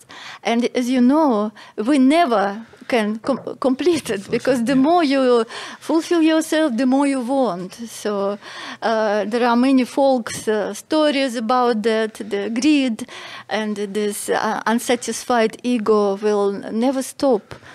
And this is actually all marketing uh, build up as a priority of the society. So we, we, uh, the society is ready to give uh, the uh, new generation, ch- generation of our kids, um, uh, to uh, uh, sort of uh, sacrifice them Yeah. Yeah. in in favor of that uh, market of Yeah. the and so uh, the nobility what you mentioned before is not in value yeah. who yeah. are you with your noble character you still uh, where you are now so Yeah. ah you still working you still have your small company or you might be working as the accountant or uh, so and who are you oh you know i'm working with the government for example Yeah. i'm recognized and uh, Yeah. how did you manage it uh, you know, because uh, I went there, so I make a bit this and I make a bit this. That, So as you know, there's the some uh, oil dealer uh, bring me this, or I involve myself into the drug business. Uh, as you know, this is also not a secret that the, a lot of governmental uh, um, government, I mean in general in the world, uh, some uh, uh, people involved into the uh, uh, people traffic and the, the drugs traffic, etc. A lot of wars are about it. So, the, for example, like the war of Afghanistan. Afghanistan, uh, by heroin. very easy to see, Yeah. but it's still the official concept is different, of course, Yeah, yeah. to save the Afghanistanian people, of Yeah. course. So we always I think there was definitely uh, soldiers in there that really wanted to save the Afghani women, for example, when you see what the Taliban were doing to the. I've seen horrible, horrible things that. Uh, so I, I'm pretty sure there are people that bought into it. But when you see like the huge profits that the, the, the, the military complex made, the military industrial complex made, and the heroin trade post Taliban, I think shot up. Can you check? I think it was like once the US went in, it shot up by like 90% or something crazy like that. Um, Yeah, and this is all the shadow part of our mind manifested as a society value, as a social value. Yeah. So what are the values? So we need to see what is what are the values in our society. yeah. Okay, so so again, I'll go back to the cake and eat it part, but this time with all this information that you've given me. So one of the archetypes that bothers me and is very present in the Maltese society is the martyr, right? The martyr archetype, and that's very kind of common in Maltese society. Like, um, like you should suffer if you're actually a good person. Like, there's two archetypes. You you either have to be just and suffer endlessly and live poor and just be completely marginalized from society and and be good, or you can be very rich, openly like driving around some massive Porsche Cayenne, and everyone knows you're actually corrupt. And those are kind of like the those are your two options. So obviously, much of the society is going, I think I'm gonna go with the Porsche. So I have issue with the martyr type. Like, like I don't I, I really don't think and maybe this is my vested interest, maybe because I'm concerned about like what I will leave my children, even materially. I don't endorse the idea that there, in order to be noble, you must also be forlorn and poor and have no material kind of you. I don't know what you think about that. Am I wrong? Am I wishfully thinking that I can balance those two things? So uh, I I'm see never getting the Porsche, by the way. Never getting the Porsche. So I'm seeing it from the point of the archetype. So, as you know, the like for example, in the, cat, in the uh, Catholic and uh, many Christian traditions, many not only Malta but included Russia, etc., uh, included many different countries. Uh, so that archetype of God and archetype of Jesus uh, a bit different. Yeah. So, and uh, uh, what I saw in Malta, the archetype of Jesus is the suffering Jesus Right, exactly. with the bruises, uh, bleeding, and uh, suffering. Yeah. So, what can you feel if someone is suffering for you? You can feel only guilt. Correct. Yes. You feel guilt, compassion. You Yeah. feel that uh, if you want How to be like this, that Yeah. you are, uh, you have to suffer. So you Yeah. believe for suffer. This is the answer for, from my, my point. The answers for your questions. However, uh, knows uh, by by studying Christianity, the uh, amazing things, the miracle things of Jesus Yeah. is the resurrection. Because so many uh, have been crucified and suffered on the cross. However, only Jesus managed to resurrect. So this uh, picture of Jesus in resurrections, you hardly can see in the churches. Really. And it's, It's, im- it stops at the cross. You're right. it's imprinted into people's mind. I hope I won't be burned in, uh, as a, uh, a couple of centuries uh, in the fire. For, for giving good advice, Yeah. for giving the, telling the church to Yeah. update. No, So, however, even though I sort of I believe for Jesus, however, I believe for Jesus' resurrections. Okay. Uh, um, because that is the uh, example for me. So whatever happened to you, however, how deeply you are suffering, you have a chance to be resurrected. Right. You have the, your soul, your emotions, your mind, your whole life can be resurrected. Yeah, yeah. So, and that is the uh, beauty, you know, and that is the confirmation of life. Yeah. yeah, So, yeah, yeah. not the How interesting. Not the this uh, suffering, tears, etc. Why do you think they did that? Because now, now that you like, like this is the first time I've really thought about it, and I think about this stuff quite a bit, right? Um, like because the the full the, the, the, the, the the finality of that story isn't the crucifix. The crucifix is just a stage in the story. Exactly, The story ends with him living happily ever after. exactly, But John. the story we always get imprinted in, my, in our mind is, oh, look how much he suffered. Oh, oh, and you're going to lie. You're going to, you know how much he, pa- you know how much pain that guy went through because of you. And that is everything. And I don't know, you, you've been in Malta a long time, so you've probably been to these um, uh, El Jumal Bir on, on Good Friday. Like the, the statues are like horror core. It's like a dark mass. It's very dark. It's very dark. Uh, Yeah. It's like You know what? Uh, the feelings of guilt is also archetypal. okay. And uh, uh, the more it's imprinted in our mind, the more easy to manipulate with a human being. So I'm seeing it as an instrument of manipulation. I'm asking to forgive me uh, to everyone who disagree. Yeah. However, you can see it clear. Uh, you cannot uh, cut half of your brain and not think about it. Yeah. But you can see the more people feel feeling guilt, they're easy to manipulate. So this is why sometimes females manipulate men, but making them Feel guilty. feel guilty. So you are the bastard one. You are the bad one. I did this, this, this, this, this, and you. Yes. So and then what happened? Nothing good is happening out of guilt. So you're trying to defend yourself, but you, you know, to feel guilty, mm-hmm. it's a sabotage Yeah. of your resurrection. You know, so it's a sabotaging of your empowerment.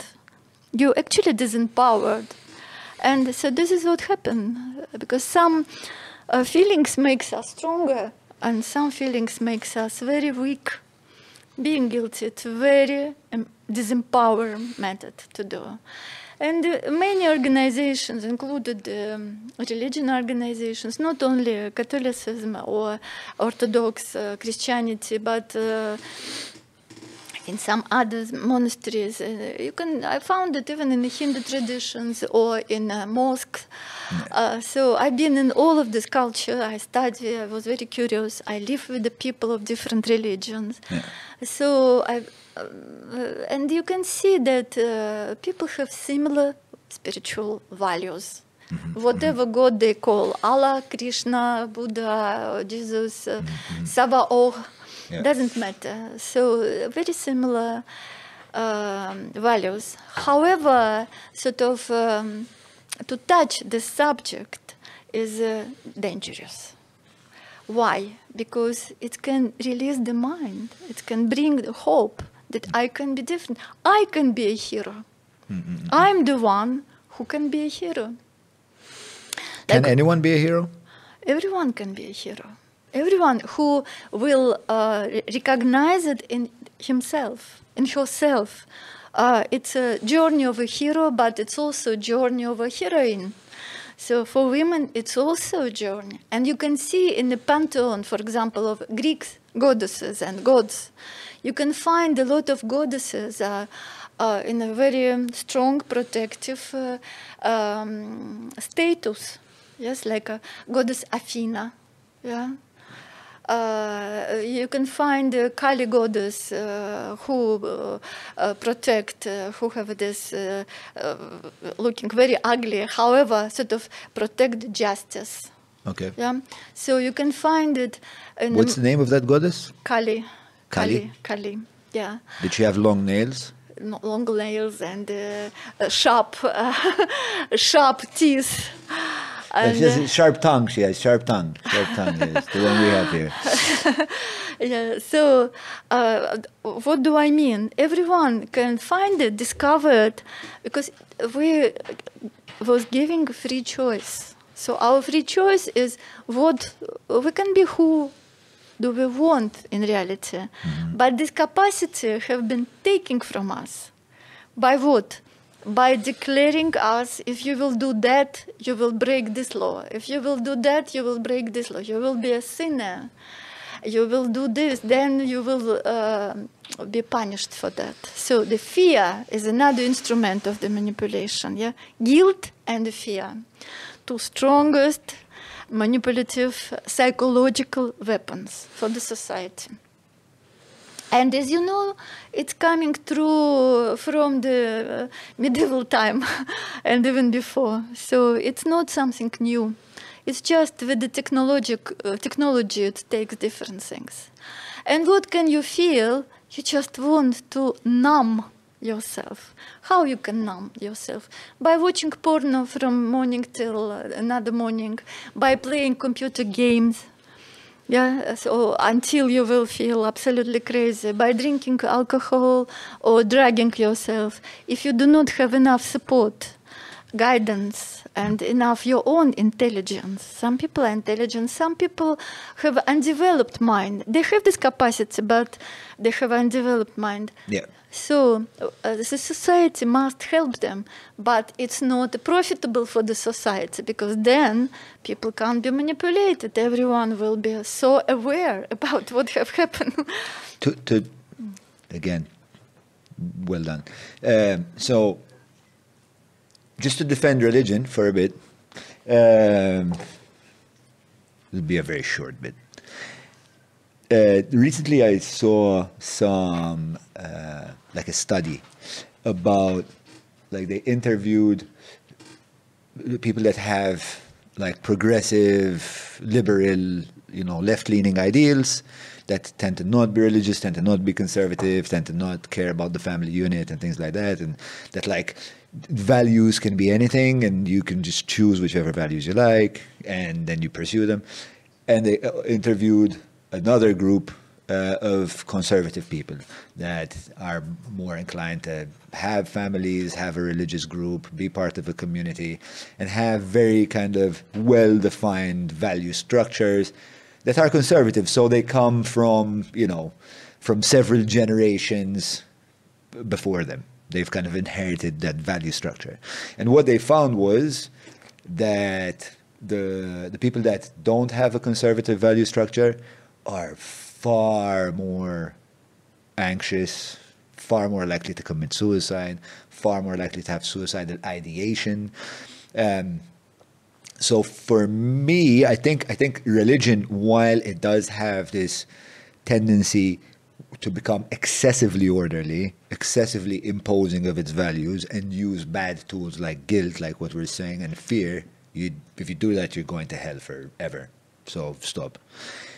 At the same time, religion has these what I think are archetypical values that resonate with us on a on a very deep uh, level, and I think Christ and and perhaps some other figures, perhaps Moses at certain times, perhaps Abraham at certain times, were also archetypes calling us to nobility. Uh, I absolutely agree with you, and I'm not against the religion. I'm against the uh, misusing the religion because the religion have an essential part of spirituality, and that is why uh, people in a deep spiritual religious way Yeah. they knew how to pray they knew how to do my, my friend uh, who unfortunately one year ago passed away father mario zarafa so uh, he was a, very very pure heart and uh, he was a, a monk a dominican monk. And so we discuss a lot about it and i'm absolutely not against the religion. However we need to know to understand where there is a, a sacred part of the religion but uh, uh, what is the behind the counters yeah, Yeah. So Yeah. I know Yeah. that in Malta, for example, I've been involved into the group to support some people uh, who've been, um, unfortunately, in the church uh, sexually abused. Abused, you know, there's some course, yeah. women and uh, children, etc. Why does it happen? Because with the name of the God. Yeah. So uh, it's not a question of the religion because religion is not guilty. People misuse these ideas and concept. So with the name of God, Yeah. yeah, with the name of Jesus, and who bring love, Yeah. the most people have been killed. As you know, this, the Christian wars counted much more uh, people uh, than, for example, Muslim wars. Yeah. We declare Muslims are the very aggressive uh, nation. However, it's all under the name of love. So we have to be conscious, we have to be aware uh, how the organizations misuse us and who is behind. So we need to be more, uh, um, we cannot be ignorant. We Yeah. need to be more knowledgeable. So there is no time to sit in the bar and to make yourself intoxicated. So there is a uh, you need to learn because you need to go and bring it to your children and say, look, look, boy, I'm your father. And I'm said like that because, uh, uh, you know, father is a god for a small child in the beginning. So uh, why the teenagers are fighting with the mother and father in a particular age? Because they start to realize that the mother and the father are just a common people. So they do not know that and they fall the test, the test of uh, the child and they're not good enough maybe or that and that. So it's a fallen, it's Wagner. Yeah, so the uh, fallen gods and the uh, then they sort of uh, teenagers are, uh, do not understand what is going on, and then they start to intoxicate themselves. However, When you say intoxicate themselves, how, like to cope? yes, like to cope because you know the values are depleted. So then, if there is no value to be noble, if I have no, if I have a, uh, like a father who didn't pass my test, so I can throw away my father. Yeah, Yeah. so I can just neglect. Yeah. You know, this constant fight of between teenagers, many teenagers, and the parents. Because they stop to be the authority for them. Yeah. And this is what I call desacralization. Because in our, in our society, uh, instead of supporting the familyhood, the motherhood, the fatherhood, so the society is unsupporting them. Support, I mean, is not just programs of you should do that or you should do that. No, you should uh, um, uh, teach them. Yeah, so some people are not simply do not have enough knowledge. You are becoming to be a father. Nobody told you No. how it- to be a father. it's so scary. I'm the mother, so uh, nobody told me how to be the mother. So we are passing through our own mis- the mistakes, Yeah. and we're doing our best. the, the only um, the only lessons you learn about being a parent is by being someone's child. Exactly. That's it. Exactly. That's it. Uh, yeah, and then when you're becoming to be a parent, then when you're making a peace with your own parents. Correct. Uh, So before that, you always have all these feelings of deficiency that your Yeah. parents wasn't good enough. But then you're realizing, oh God, This is so hard. yes, you become so like your arrogance after after like the first three days of no sleep. You're like, ah, okay, I get it. All right, I've, been, I've been a snotty, ungrateful little prick for the last 16 years of my life. Sorry, ma. Sorry, dad. exactly. Yeah, it's it's such a such an enlightening moment. I don't know if I don't know if there is a way for people to become actual adults unless they have kids and they have to like be where the buck stops. I'm pretty sure there might be other ways, but for sure the one most efficient and definite way that I know is by committing to be uh, a parent.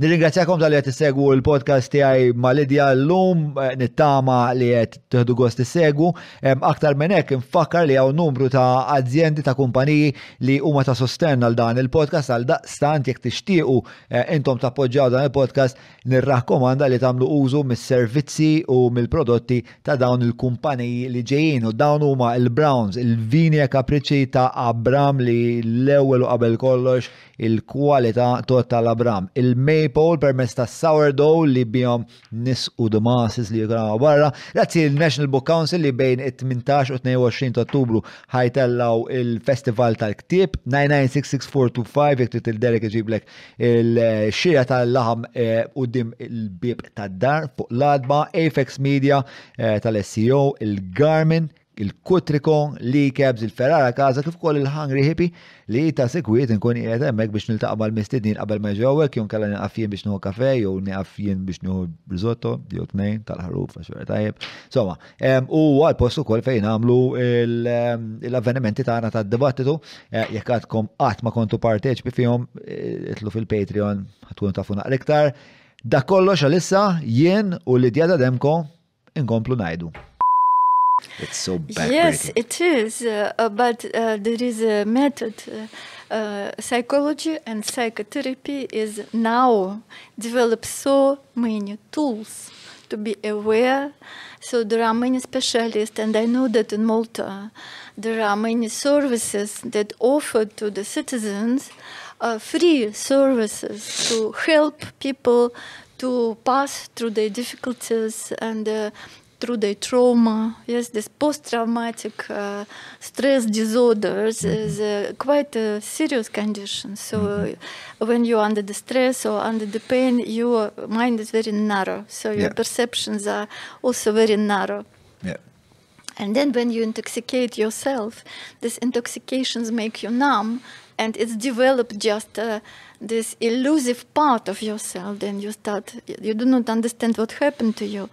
And then the food, what we eat, also with a lot of sugar and additives, uh, makes us very uncertain because it's absolutely proven by uh, science, by uh, biochemical science, that food uh, influence our way of thinking and Yeah, our sure. mind and our brain capacities as well. sure.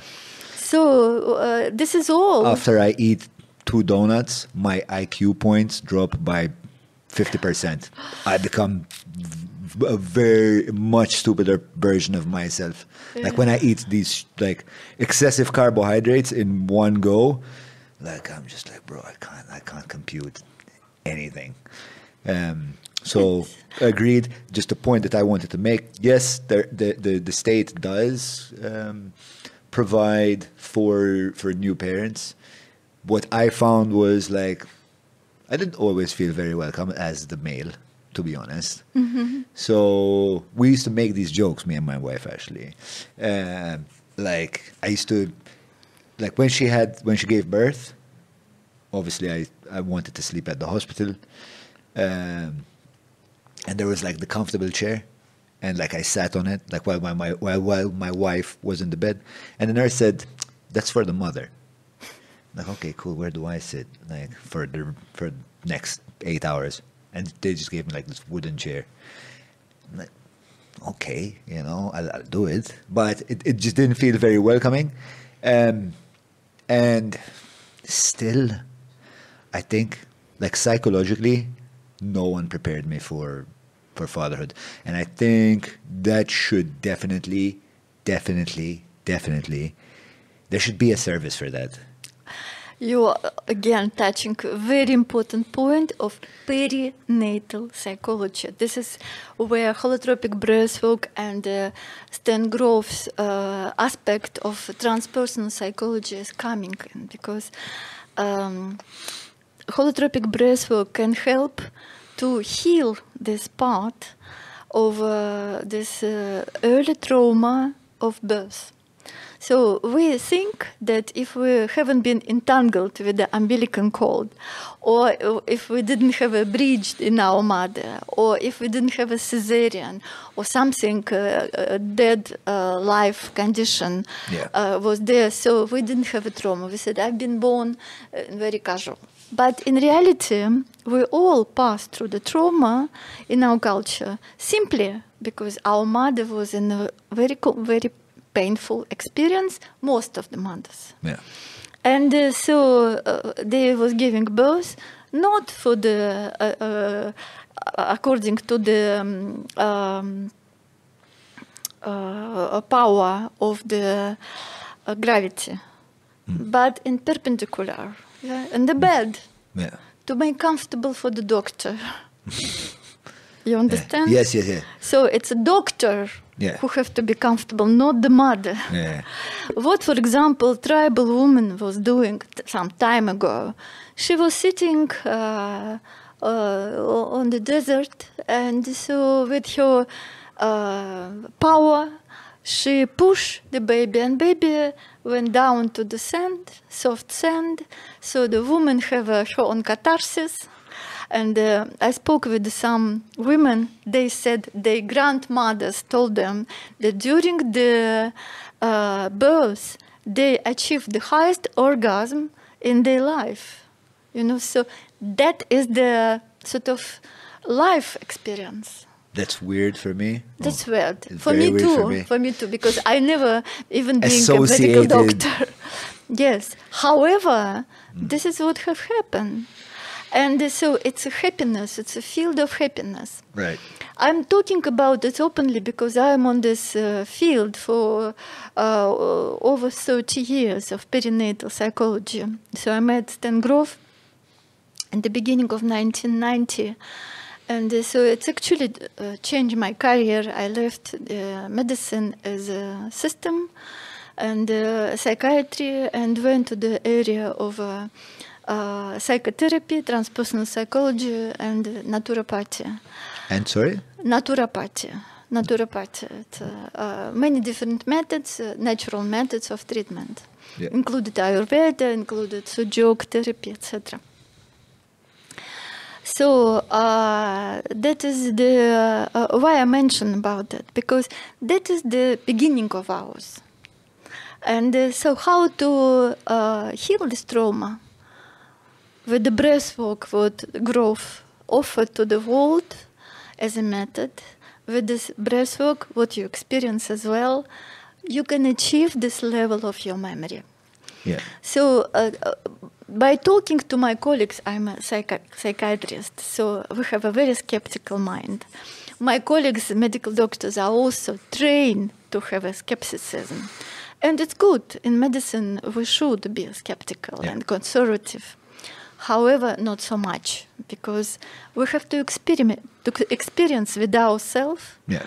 and uh, so uh, then, uh, instead of being conservative and rigid, we need to uh, see the new possibilities, how to heal, Right. new opportunities. Instead of saying your condition is terminal, so maybe this person will find another resources from another aspect of personality. So perinatal state, the moment of pre-birth, the development as a fetus, then birthing experience, and then after birthing experience until the verbal age, it's called all perinatal experience are very very important. It's actually a, a, a the settled matrix of human life. A settled matrix of human life. Yeah. Could you So ex- it's like a- explain that a bit it's more? It's like a pattern. For example, for example, if you if the child has been struggled inside of the womb, uh, the birth channel was closed. Mother's birth channel didn't open yet up, but the contraction was there of the womb. And uh, uh, so, uh, and uh, for example, a child uh, have a broken placenta, so the child have no uh, feelings of there is an entrance. So what the baby can do to suffer inside and to die together with the mother. Yeah.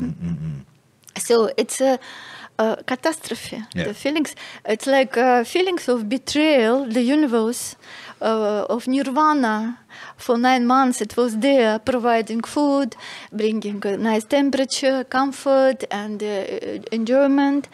Uh, of course, the uh, uh, fetus do not understand it's the mother, but it's uh, just uh, perceiving the uh, feelings and the, the um, perceptions of the uh, of being comfortable and protected. Uh, So, so we're, we're saying, because obviously we don't have, um, in our conscious mind, no one has memories of their their their birth, right? Yeah. So, what we're saying is that part of what is stored in the unconscious mind Yes. is perhaps the trauma Yes. that could have happened during childbirth that we Absolutely. feel betrayed by existence itself because bro we're having an amazing Yes. time and now all of a sudden placenta's broke but there's no way out i'm gonna die Uh, definitely it is, and uh, uh, you can ask what's the proof. So, the from the position of quantum physics, from the positions of a biologist like uh, Sheldrake with his morphogenetic field, field of information, and uh, so you probably read now this book of Beyond the Brain of growth. So there are uh, uh, many different aspects of uh, modern science are mentioned. So the science is developing. However, it's not profitable for the society to use this knowledge. It's again, we are connected to the question of it's profitable or not for the society, how to manipulate the society. So uh, this trauma will be imprinted in the mind as a pattern, and then the person will continue uh, the life on the base of these perceptions. Right. The world can betray you. So you are not welcome. For example, the child is born normally, uh, but then the temperature is uh, in the room operative uh, theater, for example, uh, uh, plus 20 or 21, and inside of the mother it's plus 37. yeah So it's a huge difference. Can you imagine Yeah. being an adult Yeah, yeah, yeah, just yeah. to come from that uh, temperature to the other? But the baby have even more sensitivity. Yeah, yeah, yeah. Then the light is coming exactly direct to the uh, space of birth. Yeah, so the uh, born. Then the metal instruments are clean, clean, clean. Sometimes the doctors are talk- talking, and uh, so it's uh, uh, too much Yeah. too much. And then the child, uh, the baby uh, is uh, cut out, uh, the umbilical cord just cut out, so you have no oxygen, you have to breathe. But the lungs are very delicate, so they are closed. So instead of uh, giving a chance and the time when the placenta will be born as well, so uh, in the old tradition, I don't know now how it is, so they just cut the umbilical cord, and the child have to to do the first inhale with a lot of pain and burning sensations towards the lungs. So, and this first imprint of pain, do not breathe in a full uh, volume. so breathe shallow So breathe shallow, and then it's imprinted in the mind. Do not be too much. Do not be too much seeing. Do not be too much explosive. Do not show much yourself. Hide yourself. Um, You will reduce the pain. So uh, presumably, like this is the experience of like most people born in the West. Um, but there are still a lot of people in the West that don't have complexes or, or don't have like I should say like conditions and they're they don't have anxieties. What's the difference between those people that um, have a, a you know a finely attuned uh, relationship with their mental health and people that uh, I will not allow, but kind of like that that trauma affects the rest of, of their life. What are the differences? Is it life choices? Is it society? Is it parenting? Is it just genetics? Like some people are just better with stress. Uh, of course, genetics are a very important part. And now there's directions of some science, it's called epigenetics, uh, or psychosomatic disorders are uh, there. So it's a good directions, and medicine developed that way. However, from the psychological part of view, you can see nowadays a lot of children with the attention deficiencies, with the hyperactivities, so they cannot sleep properly, they cannot concentrate for Yeah. a long time. Why does it happen? Uh, some of them have this strong trauma of birth. Uh, because as you know, before when women was uh, giving birth at home, I'm not saying that it's the best, Best way to do it, right? yes, uh, it was un- unhygiene, etc., and many kids was dying. Yeah, correct. However, sort of, why shouldn't we find a solution? Yeah, it's the cake and eat it for me. It's like, look, we have the technology, um, and at the same time, we have some conservative ideas. And if we kind of try to find the middle ground of those these two things, we could really have what for me is kind of like the male and the female, what is like the the, the, the openness and the order. Like these two things need to come together. There was a point in my life where I was just like, no, order. Just we need to get everything in line and everything needs to fit in a box. But then what I over time learned is that you need to allow space for the creative to kind of flow into that order. Otherwise, otherwise it's Hitler, right? Otherwise it's dead, right? Otherwise, over. Yeah, the most disciplined person is dead person. Yeah, yeah, yes, yes. But and and this my my um, reverence for order came from the fact that I had a very chaotic adolescence, and that got me into a lot of trouble. So I thought the answer must be complete order. Whereas really, I I think we like finding the middle ground, right? The the the, the anima and the animus and all of these things. Um, so I agree with you. We we can't just go back to just like dropping kids in the field. That's not that's not gonna work. Um, but at the same time, if we know that there are these effects on the human psyche long term, why not find something that is is better um, suited?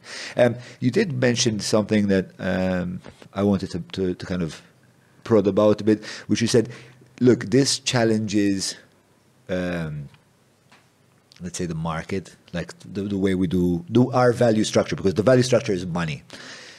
Personally, uh, so I go to therapy um, fairly frequently. I mean, um, so I do spend money on therapy.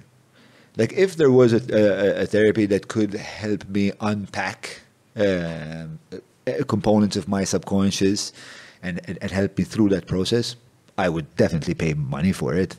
So why would it not be profit making?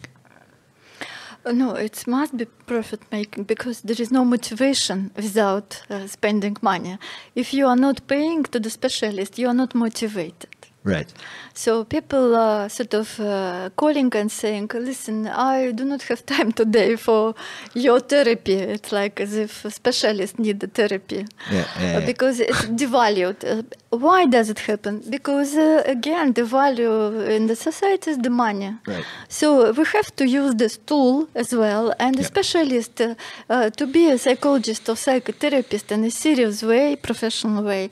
It's a hard destiny, you know. So you are full of stories of your patients. You are partly not living your own stories because you are involved Yeah. into the field of the stories of your clients, your Do you have patients. a way of dealing with that? Like, is, is there a way for you to puke out those stories? Meditation. meditation. Meditation. Is it a particular kind of meditation, or is it just? I use uh, meditation using number. It's called Anka meditation. We have every Friday free class, uh, uh, so everyone can come at seven thirty at Sanya. Okay. Spa in uh, Naxxar. So uh, I'm not doing any advert about that because it's free. Yeah, no, listen, why I couldn't care less. I, I'm. We don't mind on this show. Like, if it's good and, Okay. and people will benefit from it, Yeah. we don't care. So everyone, uh, uh, no need to book. So you are not obliged to come for uh, every Friday to come. Uh, however, when you feel that you need support, it's there. Sometimes we have a few people. Sometimes the room is full. So it's the uh, before Sanya, I was doing it at home, and many people know that. When is that? Sorry, Friday, seven thirty. So Friday seven thirty, like PM. tomorrow PM. Yes. Okay. Tomorrow you are welcome to join. So sometimes we're discussing some uh, interesting uh, topics, uh, spiritual topics, some uh, stories, some Zen stories, or uh, Vedic traditions, or uh, sort of uh, even uh, some fragments from the Bible. So there is no religion way. Uh, uh, this meditation do not provide any religious way. However, it's the tool. Once you know how to manage your mind, so you can cut, you can di- dissociate yourself with the others. So, um so it, my holotropic experience. Um, first of all, it was at Sanya. It was with Yaz, and like she said, like even the way I approached the holotropic uh, experience was just like, okay, let's go, and like in the matter of like two minutes, I was gone, and. Uh, like like I have to be the best meditator, you know. And the first thing I saw was my grandmother, right? Um, now, uh, it's I, I, I'd like to point out that I'm not giving anyone any medical advice. I'm not a medical doctor. Yada, yada, yada. Like this is me sharing my experience. Um, so the first thing the first thing that came to me was my grandmother, who I have a very strong bond with. Like she used to openly tell all the grandkids, "John's my favorite. Deal with it." Her name's Jane. I'm John. I'm not even named after her. I was named after my dad's dad, but somehow we share the same name. Very similar disposition. Um, she kind of bred in me this like um, don't let people take advantage of you stuff right um, and and what i saw and, and my grandma's birth was very traumatic by the way like when she was born they thought she was dead so they left her they just just, just pulled her out of her mom and they just dropped her on the chair and went on with their went on with their day and then I don't know how they, they realized like she's turned purple like a like an aubergine. She either started crying. I don't know exactly, but then they realized, oh wait, this human being's not dead. So my grandmother's archetype is hundred percent survivor, right? And then she went through like a complicated marriage with a really nice guy who became an alcoholic, and she wouldn't accept it, so she became violent very complicated. They lived very in, in, like very poor circumstances. And what my grandma was telling me was during this experience was like, listen, um, we suffered a lot. We suffered a lot because because people in power took the piss. Because people in power insisted to, li- to lie to us, and because people were in our community bought those lies the reason you get so angry when this happens is because that ruined my life because I had to suffer my whole life and you've inherited that pain. But then she just fucking disappeared. She didn't tell me what to do with the pain. She's like, there you go. Now you know. And what do I do now? Do I stop being angry? Is is my anger justified?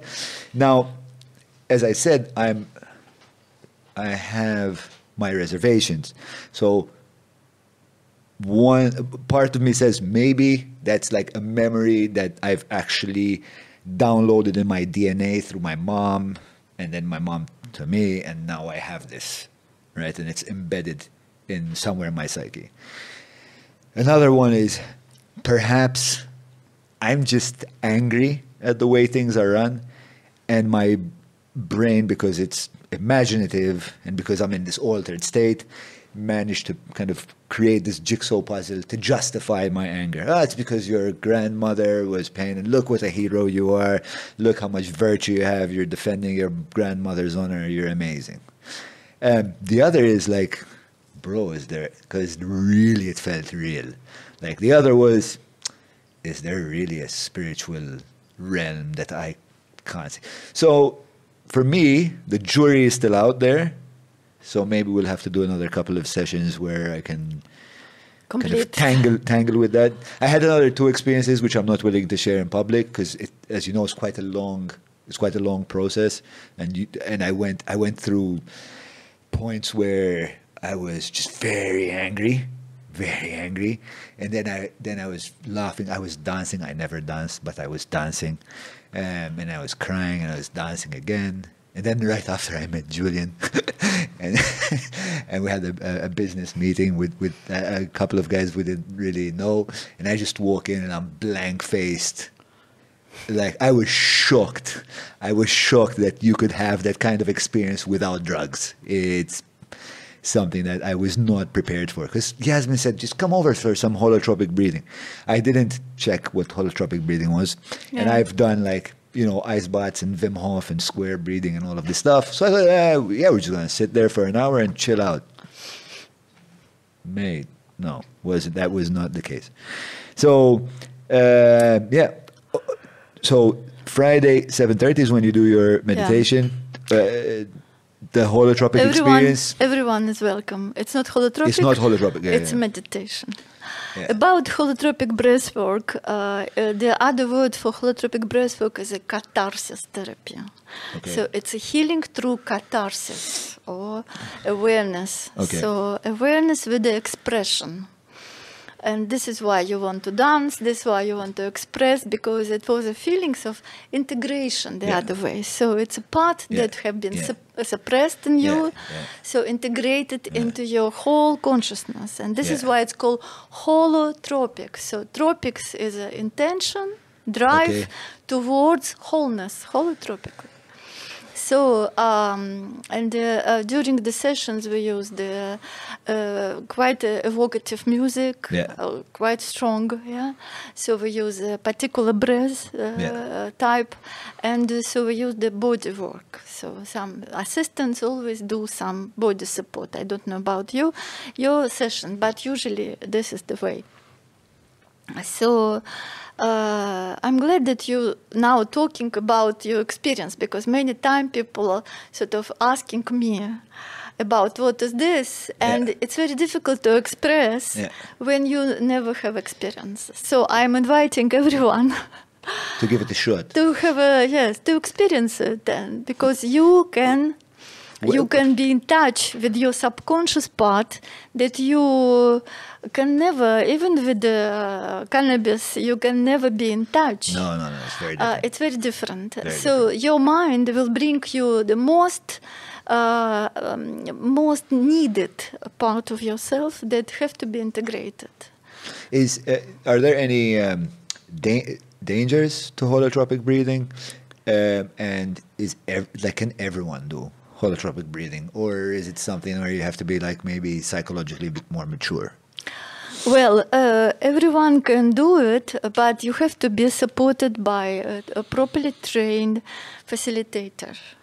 So, because there are particular ways how to do so, and, uh, and then you have to integrate everyone to help to integrate. Because if you will come with these pieces disintegrated, it can affect even your uh, somatic health.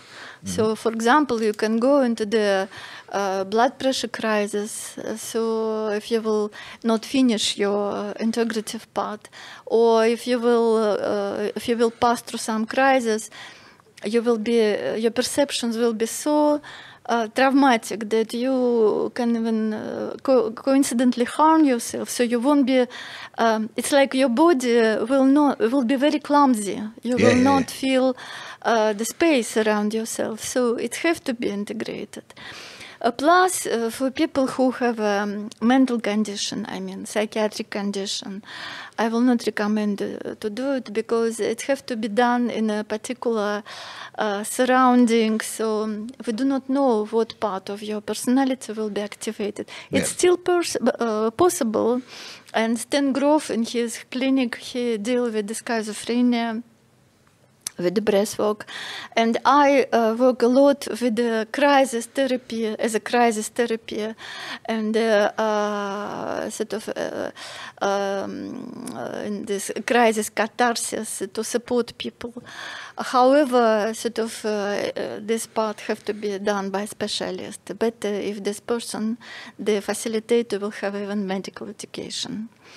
So or to the person who will be very uh, um, experienced already. So people with epilepsy uh, need to be careful. People with um, asthma need to be Of course, yeah. careful. It is possible to do, but usually I ask everyone, "Do you have asthma? Do you have epilepsy?" So I know how to deal with that and I accept this kind of people. However, sort of, uh, you need to ask the facilitator: Are you are you supporting people with asthma, for example? Yeah. Uh, that's also very interesting to me. Like um, when you're looking for these things, generally you're in a vulnerable state. Generally, when things are going fine, and you're you know you have mental equilibrium, you're not out looking for this therapy or that therapy or something that can make me feel better, something that needs to make me in touch with my child. So you're in a vulnerable state. Can you give advice to people that are looking to get to, to, to, to seek some sort of therapeutic help um, while they're vulnerable? Like, how do you choose? Yeah. Because I know I was in a very vulnerable state while I'm while I'm doing Uh, that. It's more than naked, more than Yes. to be naked. So you're opening uh, the sacred part of yourself. Uh, what is unknown even for yourself. yourself, Uh, exactly, you do yeah. not know how to defend that part, and you don't have actually the energy to do so. Uh, So this is why, uh, and it's not only about holotropic breathwork, but it's uh, about any kind of uh, altered state of mind. Yeah. I know that many people experience with the psychedelics. Yeah. So watch out who is leading the group. What is the intention of this person? If you feel uncomfortable, uh, leave the group. Yeah.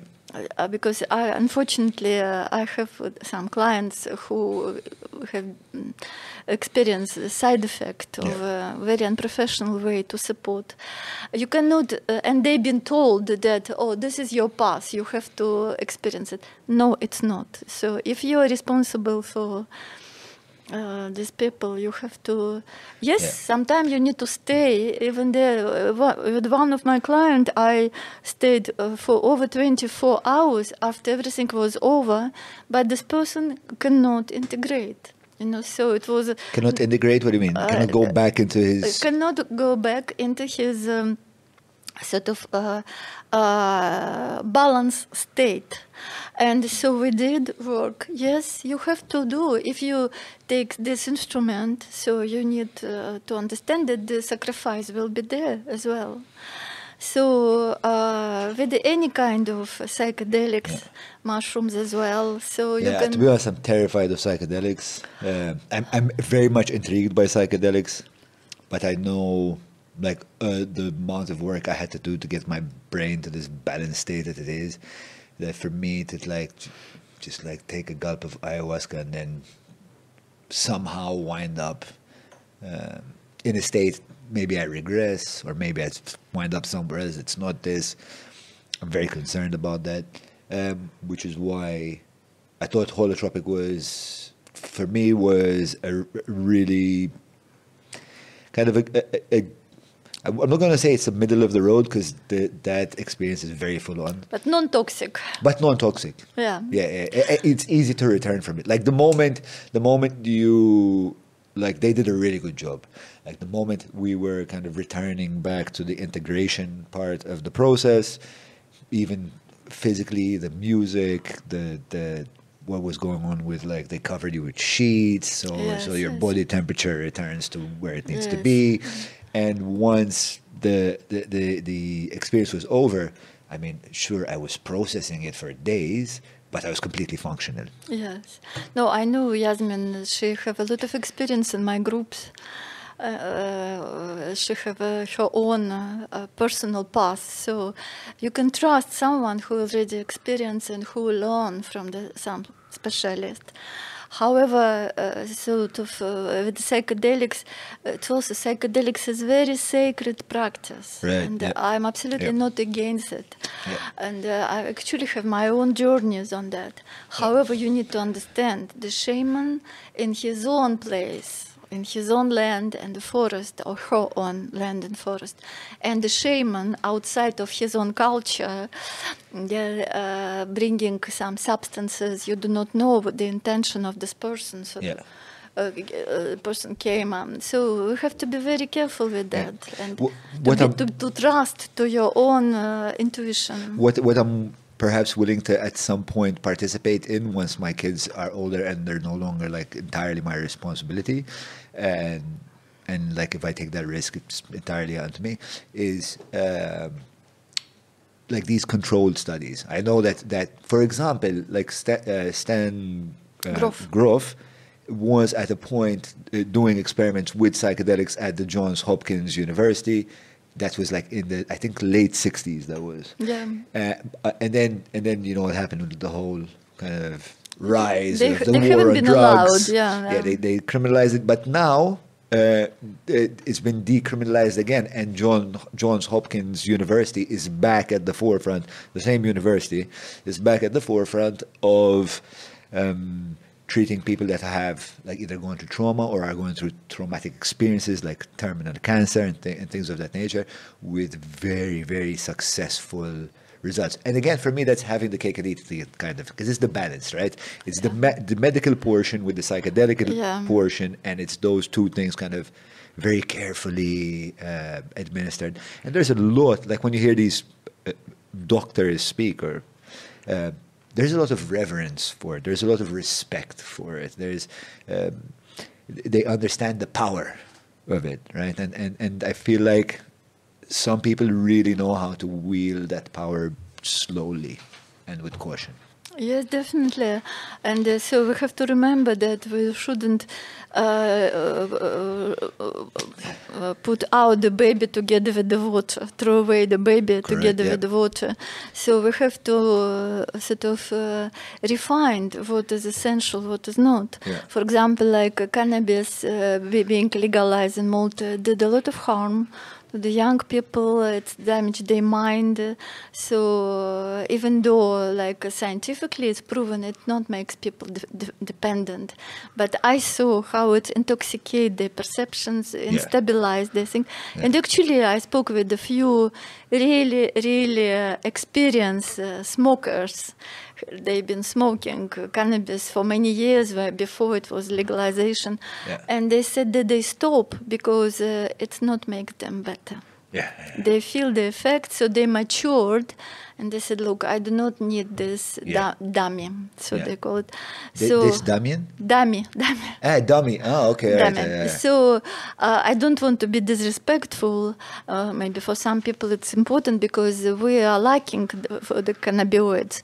However, it have to be not the tool of indulgence. Right, right, So right. the problem with our uh, civilization is the indulgence. So indulgence. the alcohol is it good or bad? But we're indulging on alcohol. Yeah. So our sexuality, our, it's a sacred tool. What we made from sexuality, we make a porno, we misuse it, Yeah. we devalue that. Yeah. So uh, and everything what human being touched, so it devalues, depleted, and intoxicated. The food, Right. the food, the essential uh, needs for daily life. Uh, so what we're doing, we're depleting the food. There is no uh, nutrients in the food now. It's empty. Yeah. The prices are growing up, but the quality is going down because there is no nutrients. So now everyone is in a food supplement. Why should we eat supplements if we have the food? Yeah. Because it's empty um, uh, food. So we do not uh, receive what do we need. Zur e kapriċi by Abram ġewwa Għawdex għallifjen ġobnijiet laħmijiet imbejjed kif ukoll wieħed mill-whiskies favoriti tiegħi il-Jericho tal-Los Distillery. Idħol www.vinjakapriċi.com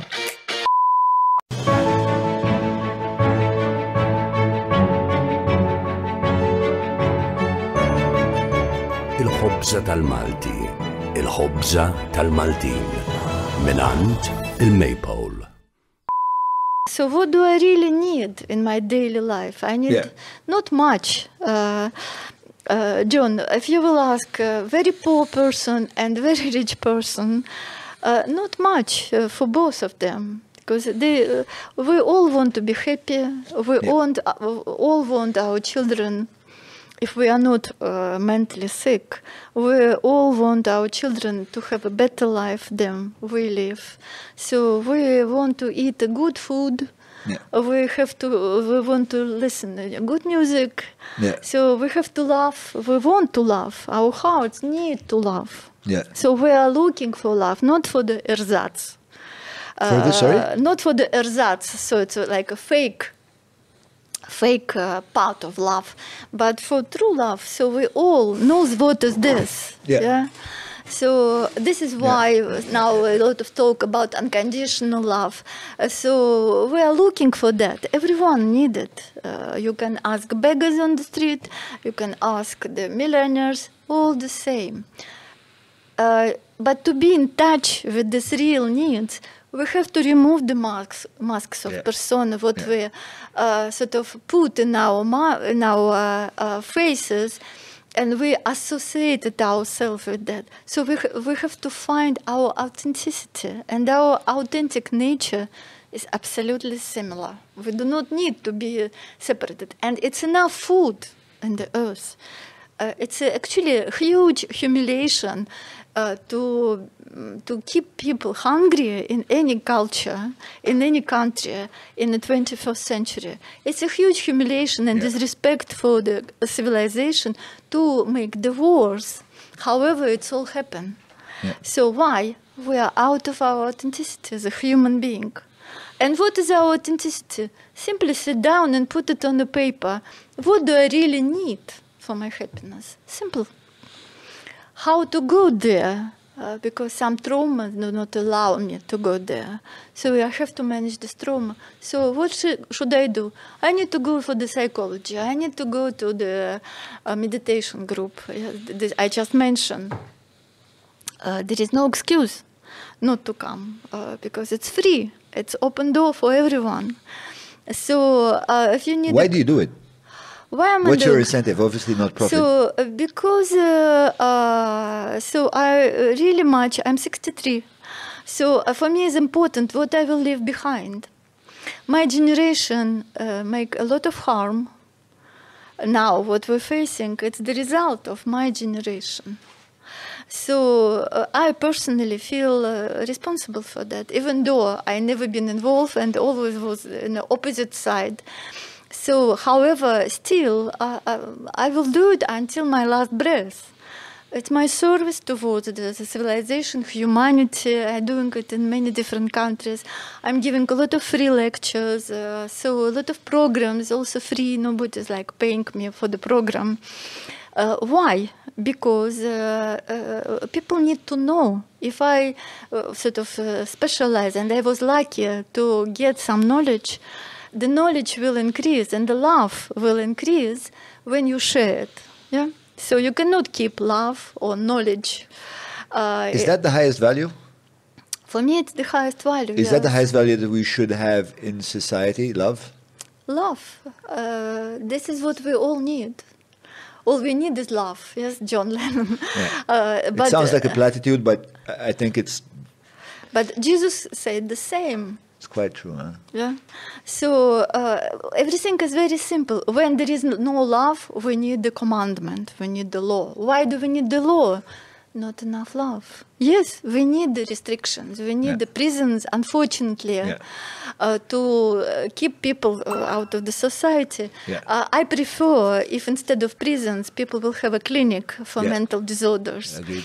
and the tre- uh, treatment, proper treatment. And uh, so, however, sort of it have to be done something. Yeah. Why? Because not enough love. Yeah, yeah. But our ego cannot not only to give love, but we cannot even Receive, accept. yeah. We cannot receive. We can only take. Yeah, the ego construction is like that because it's artificial. So. I will take love.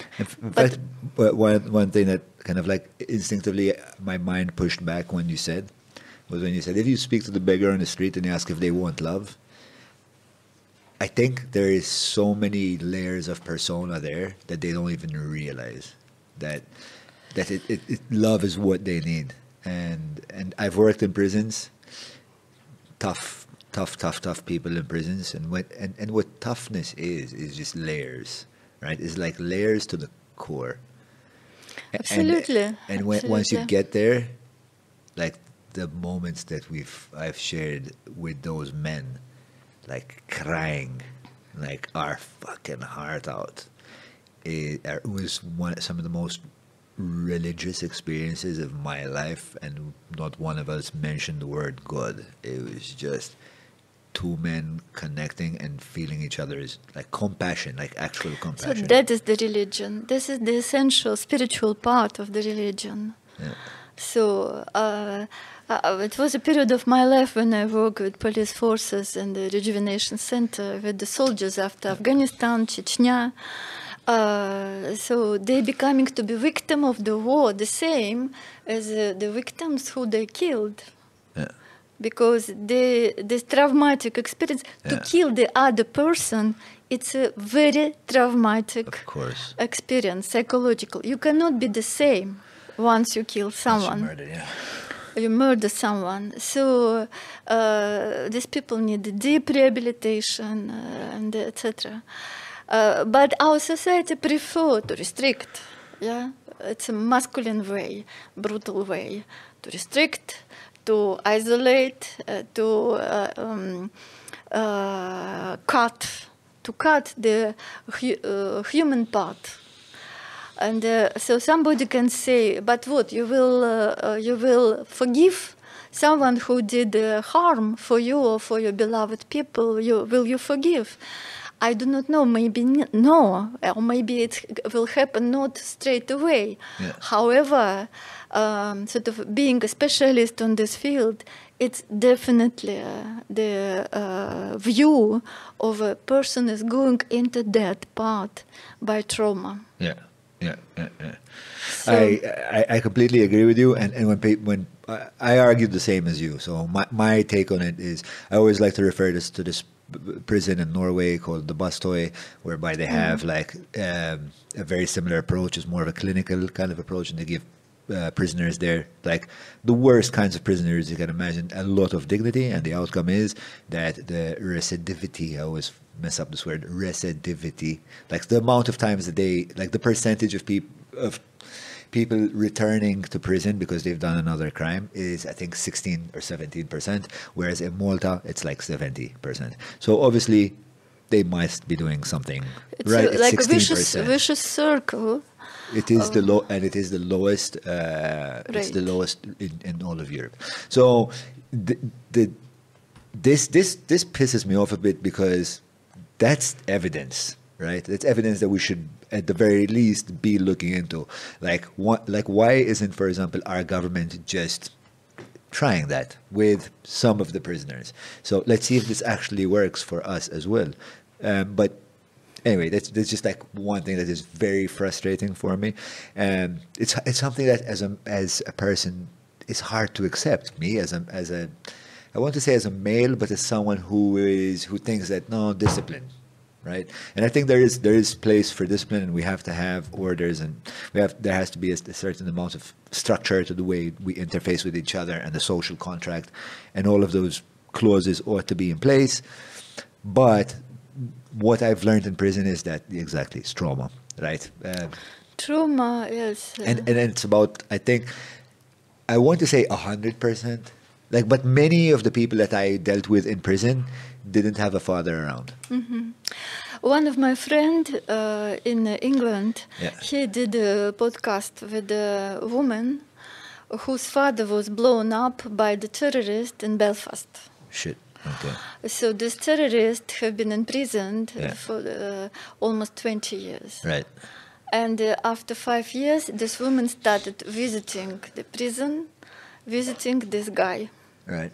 And in the 15 years, they developed such a relationship, they becoming to be a good friends. Wow. So when he uh, finally was uh, released, so she was the first, the one who been meeting him in the end, and she was the one who hugged him, because uh, he, he regret so much in all these 20 years, not because of the prison, but because of her. Yeah. Yeah. So this woman was an example Yeah. of the way of healing. Uh, uh, okay, somebody can say, so it was the guy who have this uh, compassion, but not everyone is like that. yeah. Well, most of the time people are doing crime under the influence of intoxication. So it's drugs or alcohol. So not many people are uh, murdering each other Yeah. when they are in a clear mind. Yeah. So, uh, and uh, we have to look for that. Why uh, the alcohol is so accessible for Yeah. young people? Why it's so easy? We know already that the highest percentage of uh, uh, crime is not coming when people are smoking marijuana, Yeah. uh, but uh, after the in the, the al- alcohol uh, state. Why alcohol is still very accessible? Yeah. because it's profitable. Everyone uh, knows the answer. the, the, the, you know, one of the counter arguments for that is that the, you know, in the, I think it was the 20s, when was the prohibition? When did the prohibition stop? So, you know, in America, they tried the prohibition. And what happened was, it was a disaster because, uh, so end of prohibition is 33, 1933. Uh, that's when they went on prohibition. In 33? Uh, no. It, it, and, uh, no. So 1920, uh, America officially went dry. Prohibition embodied in the U.S. Constitution's 18th Amendment banned the sales, manufacture, transportation of alcohol, etc., etc. etc. So I'm. Ah, this is very complicated. So, so one, you had that historically you had an issue where, you know, the government prohibited alcohol, and what happened was the same way it happens with drugs. You know, Al Capone and people of that ilk stepped in and thought, okay, no problem, we'll take care of that. And you create a black market, and you create essentially what we have with cocaine and everything else. Um, but uh, the my take is that uh, things like alcohol are, are could be neutral if we didn't have what you're calling traumas, what I would call like anxieties, that would make me rather than just like enjoy, you know, a couple of shots of whiskey with my friends would make me want to go through the whole bottle so I forget my name by the end of it, right? I think that is the problem. And I think we there are two kind of continuums that are working opposite each other, which are kids are maturing later intellectually, emotionally, socially, but we're allowing them to do things earlier. Like, if you're uh, emotionally not mature, the last thing you need is porn in your life.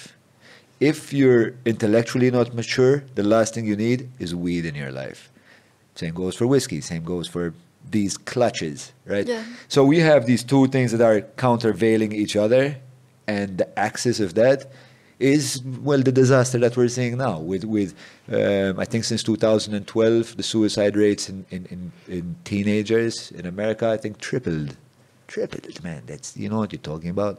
That's that's that's Yeah, it's a lost authenticity because Yeah. uh, people are mixed up. Young people are mixed up who they are. So they do not want to be like robotized uh, body Yeah. and uh, creatures. So and they feel that like a dead end of uh, if they will not succeed, if they don't have a Lexus for a particular age. It's just an example. Yeah. So they are not good enough for life. They are all failure. Yeah, yeah, so yeah. this is idea of failure is very strong in the society as well. I can tell you that, for example, in Russia, uh, when there are economical crises, uh, every time government makes alcohol very cheap. Of course. Yeah. you know, it's interesting. Uh, there's a, a, a book out, and I really recommend it. I, to be honest, I, I heard the podcast by Coleman Hughes, who's a, uh, an African American philosopher, very young guy, very smart guy, and he has a book. Uh, he had a guest on called Jean Twenge, and she wrote a book called Generations, and she did a study of all of these surveys that were being collected since the 30s about mental well-being. Like they were, they included very kind of basic questions like how included do you feel in society? Do you feel anxious? Do you feel like your life's going well for you? And I think Pew was conducting these researches over many, many, many years. Uh, and what was found was that the most, the happiest generation and the least anxious generation is the silent generation, which is that born, I believe, 1939, I want to say. Uh, 1939 till about 45. So these people were born like at the tail end of a depression and in the middle of a war. Um, but those two things apparently made the community like closer together. Like they didn't have they didn't have money. Like money was not at the top of their value structure for sure. It was Yeah. community. It was working working together like that togetherness uh, consolidation to survive. consolidation to survive. Yeah. So Listen, that is what happened. uh, it's a really interesting, uh, a really, really, really interesting book. Um, I'm not going to get into the specifics, but that note is should tell you that material wealth is definitely because, like, guys, at the end of the Great Depression, right? Material wealth and um, happiness, human happiness, are not necessarily corollaries. In fact, there's evidence that they might be might be the opposite. Um, I mean, I hazard to say that because I can't see myself being happy if I was like materially poor and I couldn't provide for my kids. Like I'd be probably as a male, I'd be very Disturbed. confused, Yeah, yeah. Right? No, of course, of course, it's an important part. Just a question of uh, not to make it as a priority, of, Yeah. but you cannot m- not make it as a priority because you are living in the society when it's very important. You have to pay for that, that, that, that, that. Yeah. Uh, another way, you, you just simply uh, will lose something important. About the alcoholization, I just want to mention Yeah. why, uh, sort of like uh, mostly men, even w- women alcoholism is very high, but uh, men love to uh, use the alcohol.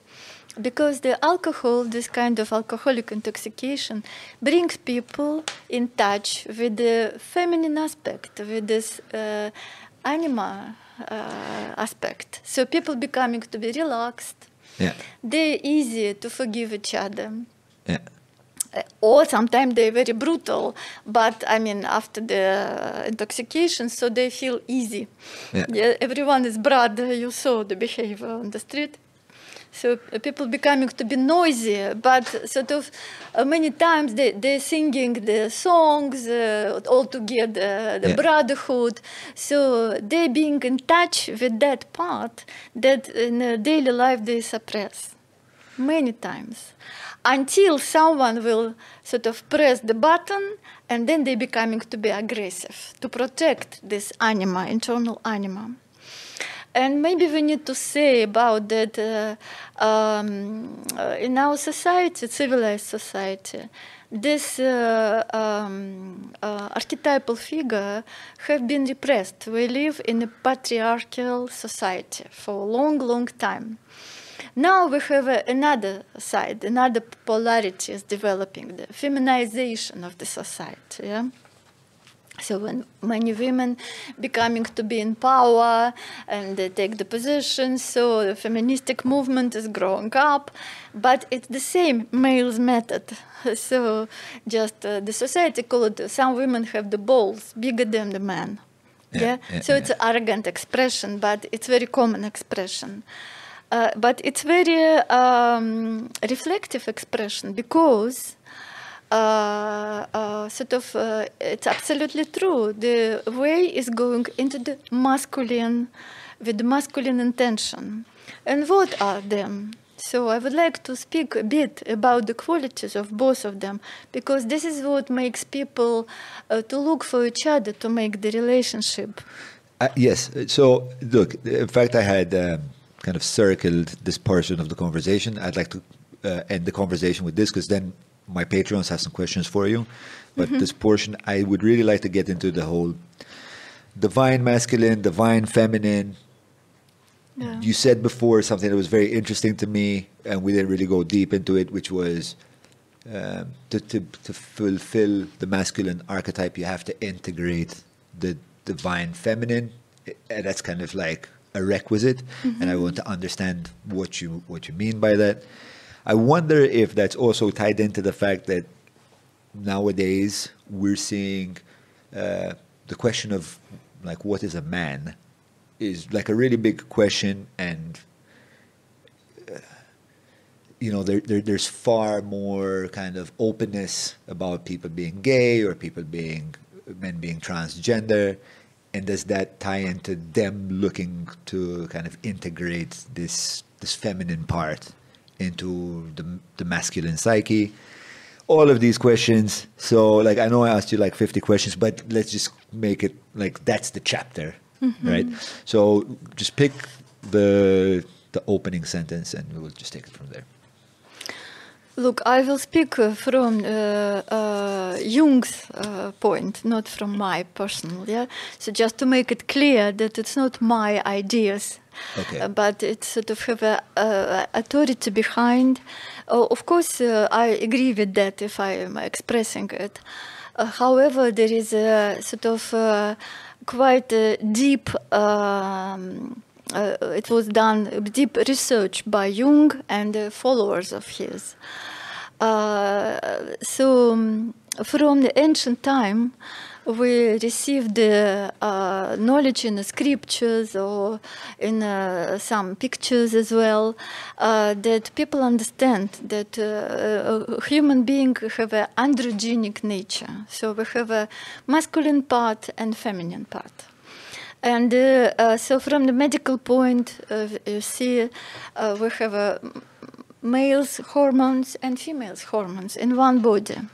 So everyone uh, as a fetus passing first to be a feminine, yeah, and then the Y chromosome is appearing. So then it's a separation between the females and the males fetus. But for some particular, uh, until particular age of the fetus, so we are all equal. In a spiritual level, of course, there is no uh, uh, gender. Right. So, like, we are all uh, connected to the spiritual aspect, etc. However, like, according to many things, uh, somebody said, according to your karma, somebody said, according to your destiny. So, whatever you believe, the system of beliefs, you receive this body, male's or female's body. This is your physical authenticity. Of course, uh, there are many traumas that can affect your uh, perceptions, self perceptions. And uh, so, if we include the regression into the past life, would uh, Jung, uh, being in India and being very impressed uh, by Indian culture and the idea of reincarnations, he found it's also in a, a lot of apocryphic Evangelies. Uh, um, uh, Christian Evangelies, apocryphal, what is not accepted by the, as you know, this uh, The central uh, teaching the of central the church. teaching, yeah. So uh, that uh, it's written that Jesus accepts the idea of reincarnation. So uh, again, I'm not. I do not want to argue about it. I just bringing the fact uh, uh, about the investigation. Uh, so, uh, So did Jung believe in reincarnation, or yes, of course. he believed that we return to? Yes, yes. Uh, so um, we uh, to, again, it's a choice of beliefs and studying, and also it's a part of your culture, spiritual culture, how you was brought up. And uh, so, but when you're seeing uh, your own life and you're comparing with the life of other people, you definitely can see that we all not started from zero point. So somebody was uh, started with this level of uh, quality. Uh, somebody was uh, born with that opportunity. Somebody was born uh, with a very big lack of opportunity, with the deficiencies of uh, simple basic needs. Yeah? Yeah. So it shows that we begins not from the beginning. Like, Sure, sure, sure. uh, so it's not an, uh, it's clear if you just will use your mind. So because of that, uh, we have to understand that, uh, uh, of course, we are attached to our memory. Uh, it's uh, you can call it uh, a spiritual memory of your previous reincarnations, and there is a therapy or suggestive hypnosis that can lead you into the state. Do I believe for that? Uh, It's not a religion for me. It's not proven. However, I read uh, many books of colleagues who uh, uh, did a particular regression therapy, and uh, uh, it was a period of my life when I did it professionally because I studied it as well. And I was impressed, uh, and d- have my own reincarnations, like memory. For example, like uh, I'm sure you will be curious. Uh, for many years, I was afraid of the Alsatian dogs for many many years and uh, exactly this type of dogs was i, I was like uh, freezing even being an adult being a mother already uh, being a psychiatrist and a psychologist i do not cannot deal with this uh, phobia and uh, so then I have this regressive therapy, and I found that uh, uh, one of my experience, uh, one of my reincarnation was uh, in a concentration camp, where I died because these dogs uh, really uh, ripped me into the pieces. You- you, had that experience where, had- where you could yes. see yourself. Yes, I had this experience of regression. Again, somebody can say, "Oh, it's a fantasy." I will not argue. So, but when you, the same like with the holotropic breathwork, until you experience, there is nothing Yeah. to discuss about. Yeah, so let's experience first, and then we will speak about it. So, uh, if we will speak, But for you, you were persuaded that that I it- persuaded because when I re- realized it, when I saw it, it's much. I can even play now with these dogs. so when I uh, realized it, I integrate a lot. So I pass through some uh, time because, as you know, we have uh, neurons connections that uh, when we uh, sort of have a particular pattern of behavior, it's difficult just to, uh, To change the it to yeah. a pathway. However, sort of if you practice, if you being conscious on that for 21 days, so there are uh, transformational uh, processes are going on in your nervous system where you can transform your reaction. You can by being, but bringing you your awareness into the subject. And it have happened with me. Why? Because I knew the method. So people who do not know the method, they're going to the specialist. Uh, uh, during our meditation, uh, sometimes we're talking about it at one of the questions. So how can I change something what is inside of me? Why I touch this aspect? Because in some, uh, mm, you can call it uh, soul's memory. uh, so we've been in a body of the opposite gender. So, and we've been uh, very strong, uh, we've been, uh, been very, very uh, effective in life. So we attach to these qualities, and like the memory, people saying, "I don't know why do I know this." Like for example, some people are touching something, some sword, so they touch it and they knew already how to use it. How do they know? What's the skill coming from? So it's coming from some memory. You can call it uh, uh, morphogenetic field. You can call it uh, genes memory, uh, DNA uh, memory. You can call it biological field. So whatever you can call it. However, uh, it's a fact. Yeah. Or, for example, like in India, some children they are saying they remember their previous life. So they, uh, I've been, I saw the child who have been challenged with that. So the challenge brought them to the place, explain what's the house, so how it look like. So they, uh, and it was proven that it was exactly according to the child's memory. I heard uh, I heard Joe Rogan.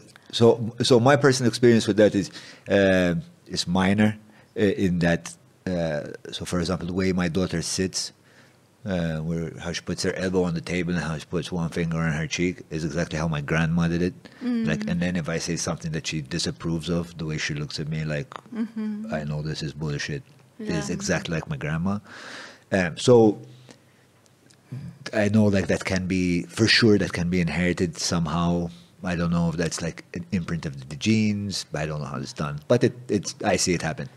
Um, The reasons can be different. However, sort of we cannot neglect this fact. yes, the, the fact is there. I think I think it merits uh, more study and and and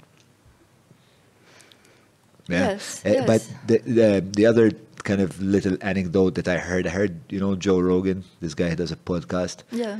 and um, so he was talking about how his daughter like he's a he he used to do a lot of kickboxing when he was younger.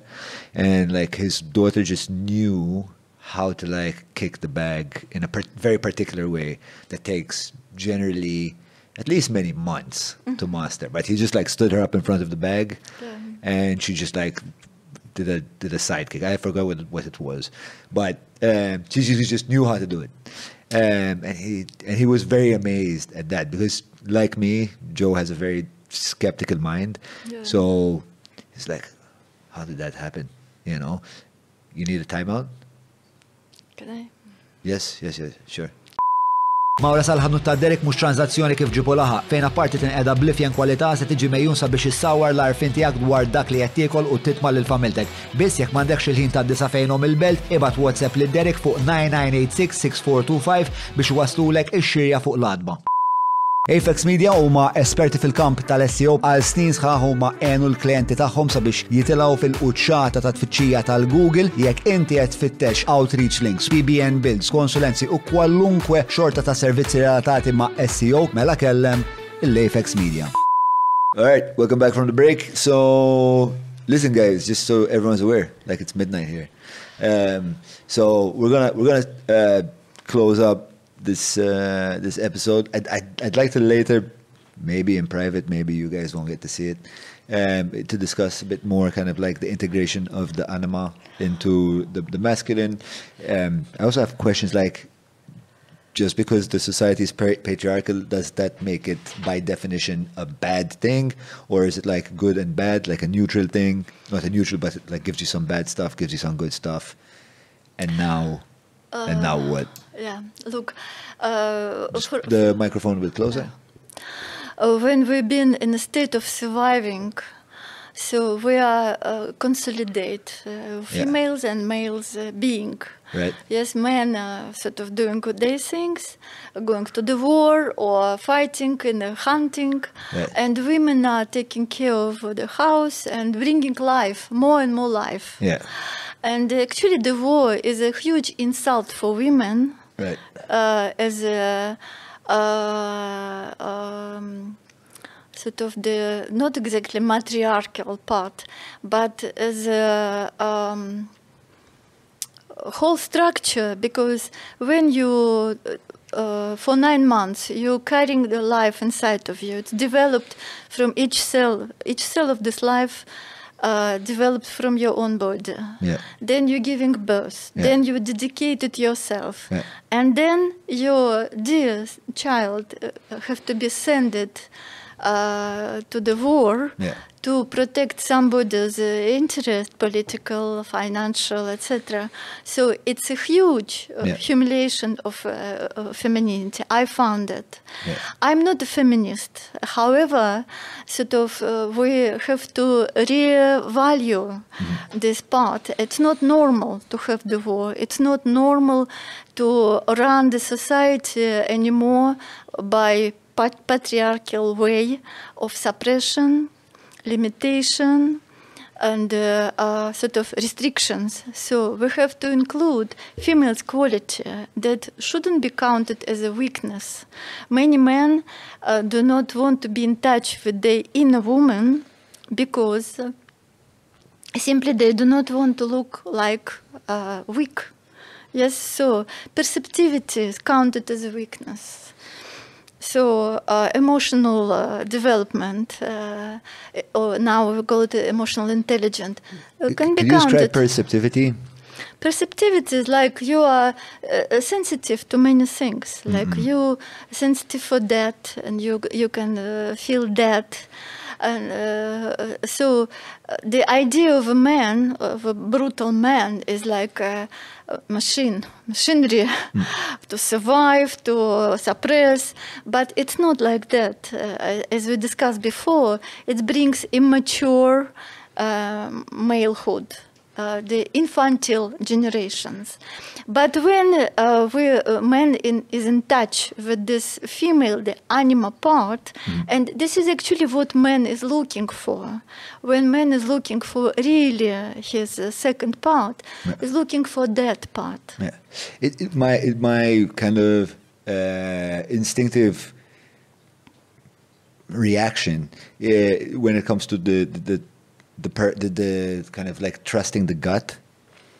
I've I've had uh, I've had experiences, um, and particularly where there, there's women in the group, and they say, "I have a good feeling about this." No, no, no. I have a good feeling about this. Th- listen, this uh, let's let's do a deal with this guy because it, and then like three months down the line, you're like, "Yeah, well, we just blew three months of work."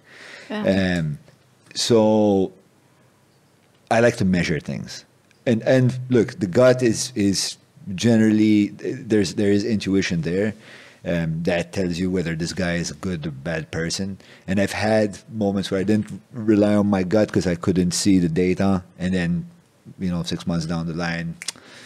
Yeah, that's what I was picking up but couldn't express.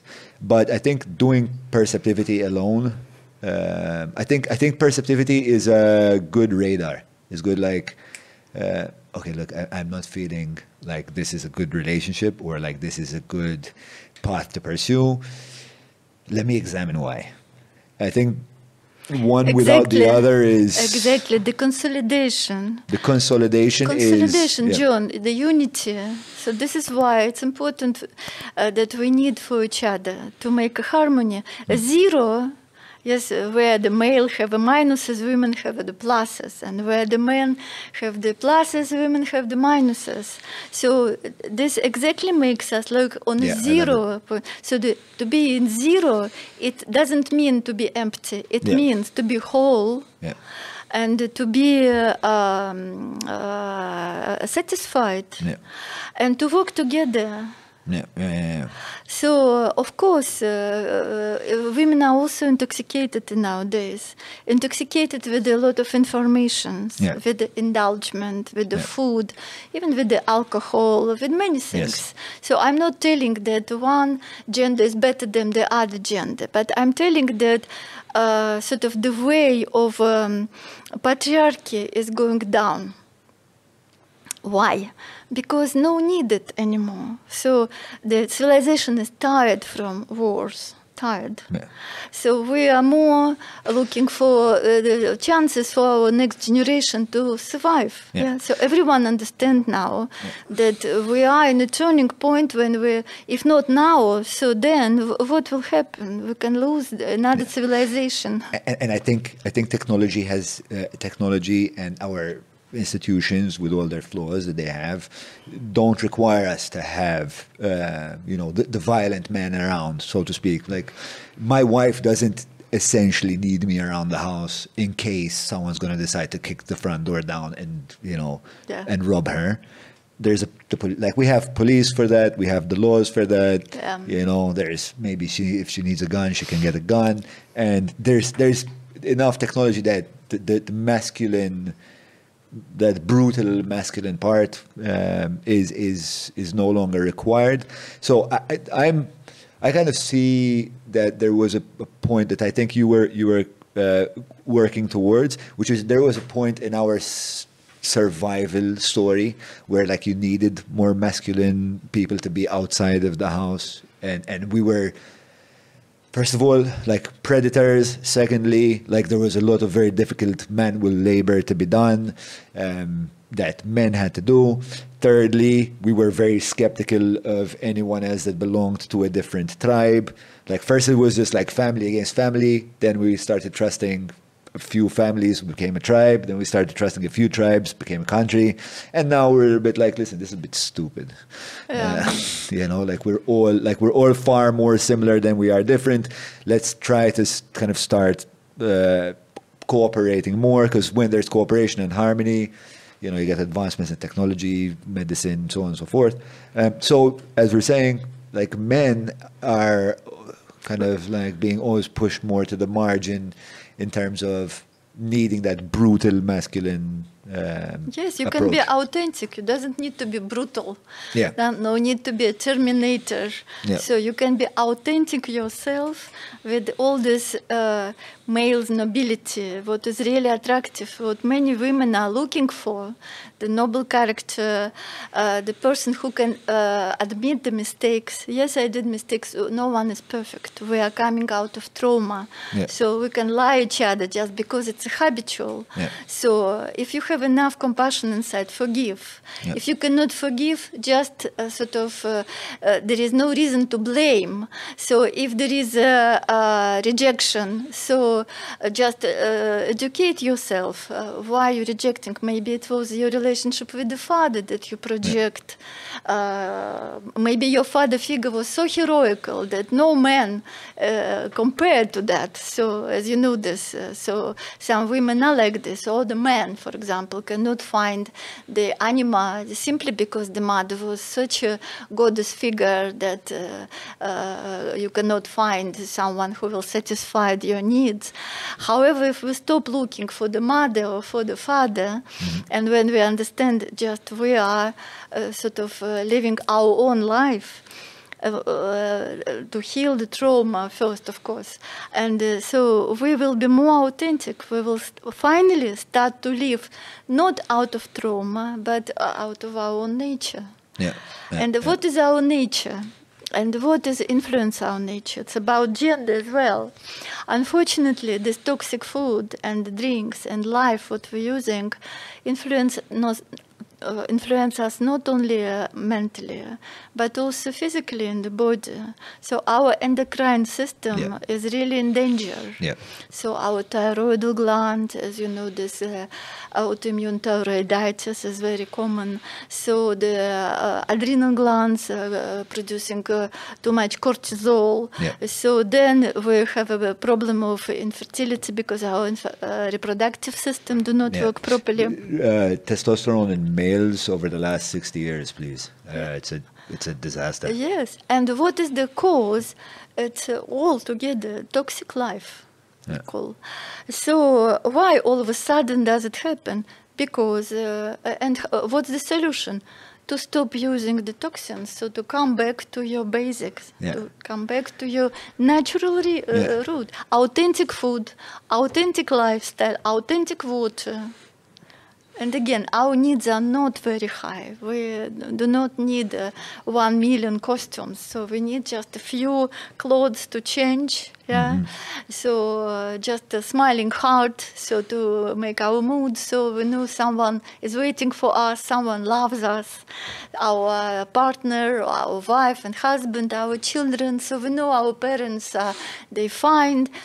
So we have this. Uh, there is no danger. Uh, we do not afraid to have a bomb. So Yeah. human beings do not need much.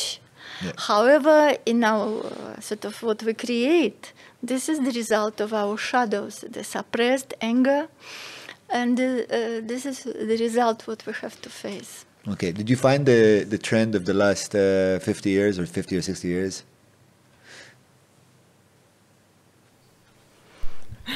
Mela, uh, the estimated cross-sectional decline in total testosterone level was 0.4% per year of age. Uh, the longitudinal within person decline was about 1.6% per year. The But- age match time trend was 1.2% lower per year. But I think that's I think that that is like how a man experiences the tes- testosterone depletion, not uh, like historically. Generational decline in testosterone levels observed. Trend does not seem. But during the past two decades, testosterone levels in America uh, have declined. In American men have declined rapidly. Uh, we'll, we'll pull up. We'll pull up uh, a link and put it in the description. But I'm sure it's like something. But wh- why do we need to mention the America? So take Malta. So the obesity. Obesity is a endocrine uh, metabolism disorder. You know this. Yeah. So uh, how to deal with that? Change the way of eating. Yeah, we're also very sedentary, and we want to drive everywhere, and uh, we have terrible eating habits. Uh, there's, there's. I think also, I, I, had read that even cortisol contributes to your endocrine system going like out of whack in other areas. So, like if you're constantly stressed, If you're constantly stressed, of course. like your body's co- constantly thinking, "Oh shit, the famine's coming," so you get like uh, Exactly, exactly. So it's extra fat. It's Yeah. sort of the result, uh, compensative result of defense of the body. The body is trying to survive. Yeah. So uh, there is a uh, funny to uh, to fight with the obesity. So instead of uh, uh, dealing with the habits of eating and uh, uh, going to the cause, what makes you obese? Yeah. So just to lose weight, it's not the question. Yeah. Aesthetically, maybe it's the question. So this is why the new industry is coming out, as you know, to cut part of your stomach, so you will Yeah, yeah, reduce, etc. It's very traumatic way. And unfortunately, I lost few uh, people. uh, I knew there's few people who did this kind of operations. So uh, it's a horrible way of. Uh, um, sort of uh, chop you on the pieces. Again, I'm not uh, propagating, uh, but there are many different natural way how to deal with it. Of course. Yes, but you have to be very patient, much more patient with yourself. Yeah. Then you you can restructure the fashion industry that only skinny and uh, this kind of guys uh, that is in fashion. So if you are not in the standard, skip it it's not the way. So we are all different. We have different constitutions. We have different body constitutions, the mind, emotions. So it's a complex. Yeah. Uh, I'll say this one last thing. Like I had a, a, a recently I had to take my daughter to the hospital at like midnight, and and I, I watch what I eat, you know. Um, but at like two or three a.m., I'm starving, so um, I look around and there's vending machines, and in the hospital of Malta, with patients that are the most obese possibly in the world, where diabetes is through the bloody roof, the only things you find in the vending machines is chocolates, croissants, Coca Cola, the end. Like there was nothing for me to consume. And obviously, people that are less educated about their diet are just gonna go, ah, whatever. I just have two Mars bars because I'm hungry at four, five in the morning. Terrible. And then, you know, at, on the tail end of that, those people are gonna go back through the system, and then we're gonna give them insulin, and then maybe they're gonna have some devastating surgery because they have no circulation in their toe. But it's okay. We'll nurse you with some more Kit Kat, and it just keeps going around and around Yes, and around. it's a vicious circle. pathetic. Vicious circle. So the food industry preparing the clients for the medical industry, the medical industry preparing the clients for the pharmaceutical But you would expect condition. the state to go, okay, guys, shut up. Like, stop. Like no, no more like sugars in the vending machines. We're gonna give you. There's so much out there, you know. Like, um, like recently I've discovered this like sourdough. It's amazing, man. It's it's tastes fantastic. Yes, and it's like the lactobacillus uh, bacteria, what we mostly needed. Bifida and lactobacillus bacteria is a probiotics. I feel so good after I eat it, like with just some simple olive oil, maybe some cheese. Like, can we just have that? Can we just have that? You know? And instead, you're just pouring this crap down people's throats that's making them sick, making them fat. And it's not just the endocrine system. Like, I had, you know, aunts that were obese, like the problem with their hips, with their knees, with their with their self-esteem. They need help. Like when they get become of old age they need help just to go to the toilet. It's very undignifying.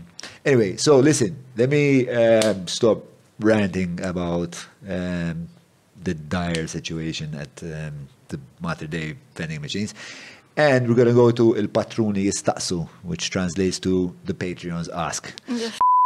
U naddu issa għal patruni jistaqsu miġuba lilkom mill-bibtana tal-Browns jekk forsi qed iżidu b'xi piż b'mod involontarju qed tħossu li s-sistema digestiva hemm xi problemi fiha. Jew dal-aħħar b'mod eżaġerat qed jaqbadkom abtitat sokkor jista' jkun li dawn ma kollha problemi relatati mal-gatt għal daqstant nirrakkomanda li tgħaddu sa waħda mill-outlets tal-Browns u tistaqsu dwar il-gut care.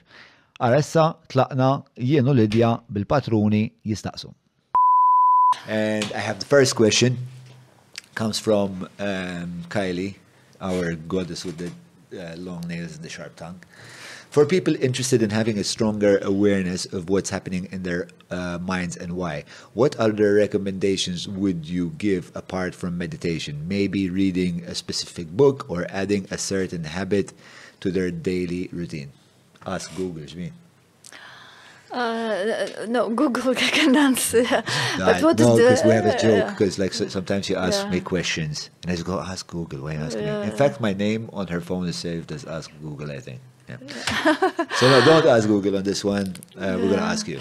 So, well, uh, of course, different people have different ways, and uh, what is good for you maybe uh, will be not good for someone else. So we have a choice. Like I'm not a rigid, um, uh, restricted uh, specialist. However, sort of there are plenty of different tools. First of all, be more creative. So the creativity is a part of the femininity. And uh, so, because creativity involves the intuition, the aesthetics. Yeah.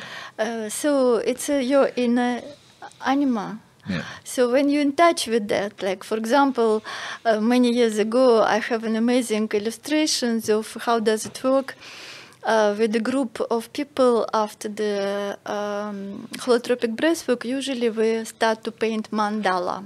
Oh, cool. Now I'm doing neurographics.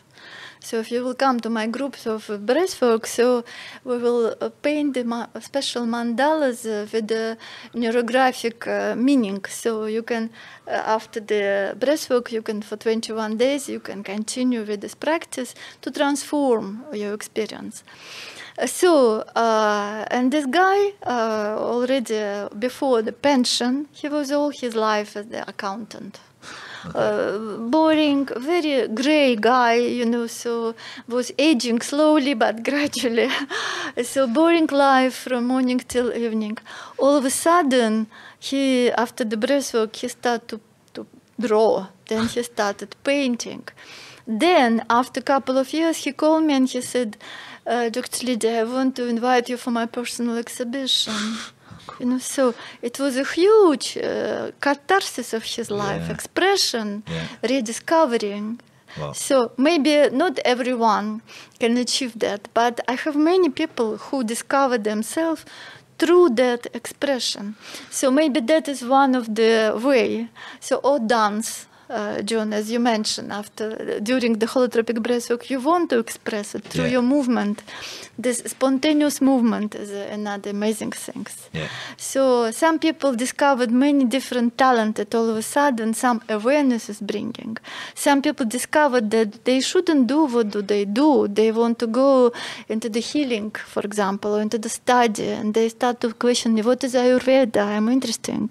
Ayurveda is the mother of the medicine. All pharmaceutic medicine came out from Ayurveda. Veda is the knowledge.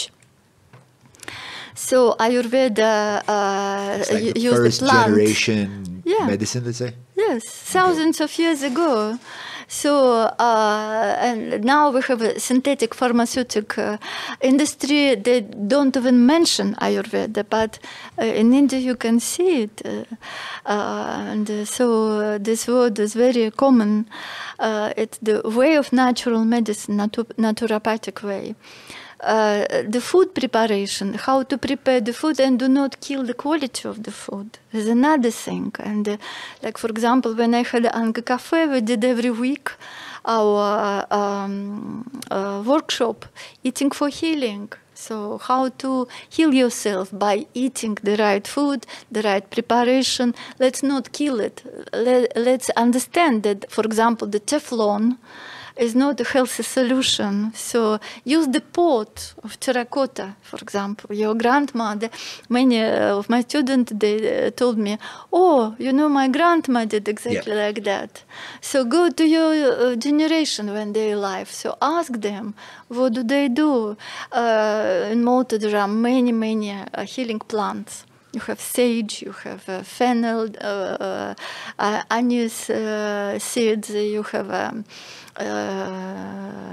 what else? Uh, marjoram, you have um, even parsley, you have a celery. This is all healing plant. So lavender, it's growing. uh, So and you have these herbs all year round. So why do you need this sachet of the tea with the microplastic if uh, you have such a plant that when you will uh, drink this kind of tea, so you will really feel after the meal satisfaction instead of bloating. So this is small details. However, people need to know about that. Yeah. So and this is how you can make your system better and uh, uh, more uh, functioning and uh, being more in balance.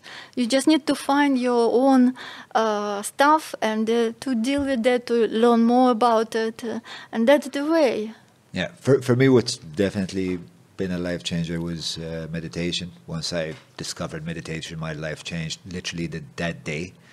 Um, Meditation is medication. Jesus yeah. Christ, man! I couldn't believe it. I Yeah. couldn't believe like my brain could Function, be could function that way. Like Yeah. it could see things in like far slower frames. Oh my god! Yes, but it's not easy. So be patient with yourself. Uh, Yeah. Sort of when you meditate, uh, come and learn something, and do not skip very quickly. uh, Oh, I cannot manage. I don't have enough patience. It's okay. It takes time. So give to yourself at least twenty-one days, and then decide is this way of meditation good for you or not. yeah, yeah. So uh, listen to the good music, not the music that is distracting your mind, not Yeah. very loud, not very uh, raw. Uh, So listen more harmonious music. Like for example, Mozart is discovered as very good for the babies, even the, when the baby is in the fetus uh, state. I remember my kid, my son, was like obsessed with uh, Mozart first. Like when he was five, he could uh, like sit, uh, like we'd play him any Mozart song, uh, piece of music, and be like, ah, that's the Requiem from. Uh, and then after Mozart, he went into Beethoven, and after Beethoven was the Beatles. and now, now, now he really listens to terrible music. Yes, but uh, so he he is like absorbing all the spectrums, yeah. Yeah. So, however, like uh, uh, we need to be very hygiene with the decibels. So we have to be hygiene not only for our mouths and what we eat and to wash everything, but we have to be hygienic with whom to deal, what to listen, what to watch. What information to absorb? Because there are many misinformed fragmental uh, uh, information uh, that lead you in the wrong directions and then we make our solution on that. Yeah. and then sort of we are entangled with something. So clarification is the way of uh, doing things. But uh, start with something very very simple like rosemary tea like uh, not everybody knew, knows that the uh, aging people uh, for the aging people rosemary is one of the best solution. Rosemary oil rosemary tea it's improved the memory. It makes uh, uh, people feel secure. Okay. so it's uh, strengthening the aura of the energy. So it's really good way. So Okay, how do we make rosemary tea? Okay, because I've never tried any of this, uh, like these herbs. Yeah. And, it's just, and, and I've never, it was never a thing that was like, yeah, that, that I'll try. But now I'm curious. yeah take uh, So let's say, let's say I want to try rosemary tea. What do I Yeah, do? take two or three branches, small branches of rosemary. And if you like also the mint uh, flavor, you can put there, or melissa. Or if you want just rosemary, you just simply put there. Use not boiling water. Uh, the water that uh, um, now everyone have a glass uh, kettles. So when the wood just uh, start to produce the bubbles, Okay. so it's the uh, right temperature. Uh, put it into the pot and give just a few minutes. So when you're preparing uh, the other stuff, uh, your tea will be ready. Okay. Tomorrow, structural meeting, bring rosemary. Uh, So uh, uh, even uh, you can do it uh, as a cold infusion, like you in the mo- in the evening you can put it in the cold water, Okay. and in the morning it will be ready. Just in a jar of water, and it's ready from the rosemary. Uh, Ki- Kylie's kind of like on a mission. So is there a book we can recommend for her that where she should, so that, she, that she, you, you feel like she should try? So I recommend to everyone, but maybe it's not easy in the beginning. It's a lot of technological and uh, quite uh, biochemical side. Uh, uh, conscious eating by uh, Dr. Cousens. So it's uh, one of the really uh, good authority for me. Dr. Cousens, Conscious eating. uh, Gabriel Cousens. Gabriel yeah. Cousens. Yeah. Okay. So. Did you get my book? I'm remembering. You got it? It's here? Oh, it's not here. What book did you get me? Uh, as I, she, she, she was meant to get me Tai Jung, right? Yeah. Yeah. I'm going. I, I'm binging on Jung again, thanks to you. And it was really special because I was in Assisi over for the last four days. My God, and uh, and like at the at, at the basilica, at the exit of the basilica, there's a huge mandala, huge mandala. Like I was like trying to research. I was asking. I asked one of the monks, like, why is there a mandala? It's like, what's a mandala? Like that fucking thing over there, that's a mandala. Like, why is it that it's also in this culture? Il-podcast ta' John huwa proġett indipendenti u ħieles mill-influenzi tal-partit il-kbar u l-lobby groups li jorbitawhom. Bekk jista' jibqa' jiġi mtella biss jekk inti jett nappellalek biex iżżur il-ħolqa ta' fuq jew jekk qed segwi lil end mill-YouTube billi tidħol ġewwa patreon.com forward slash John Mallija u tina daqqatit. Tinsiex, il-podcast ta' John huwa l-podcast tagħna l- bidik ħadwa. Għafa sabru.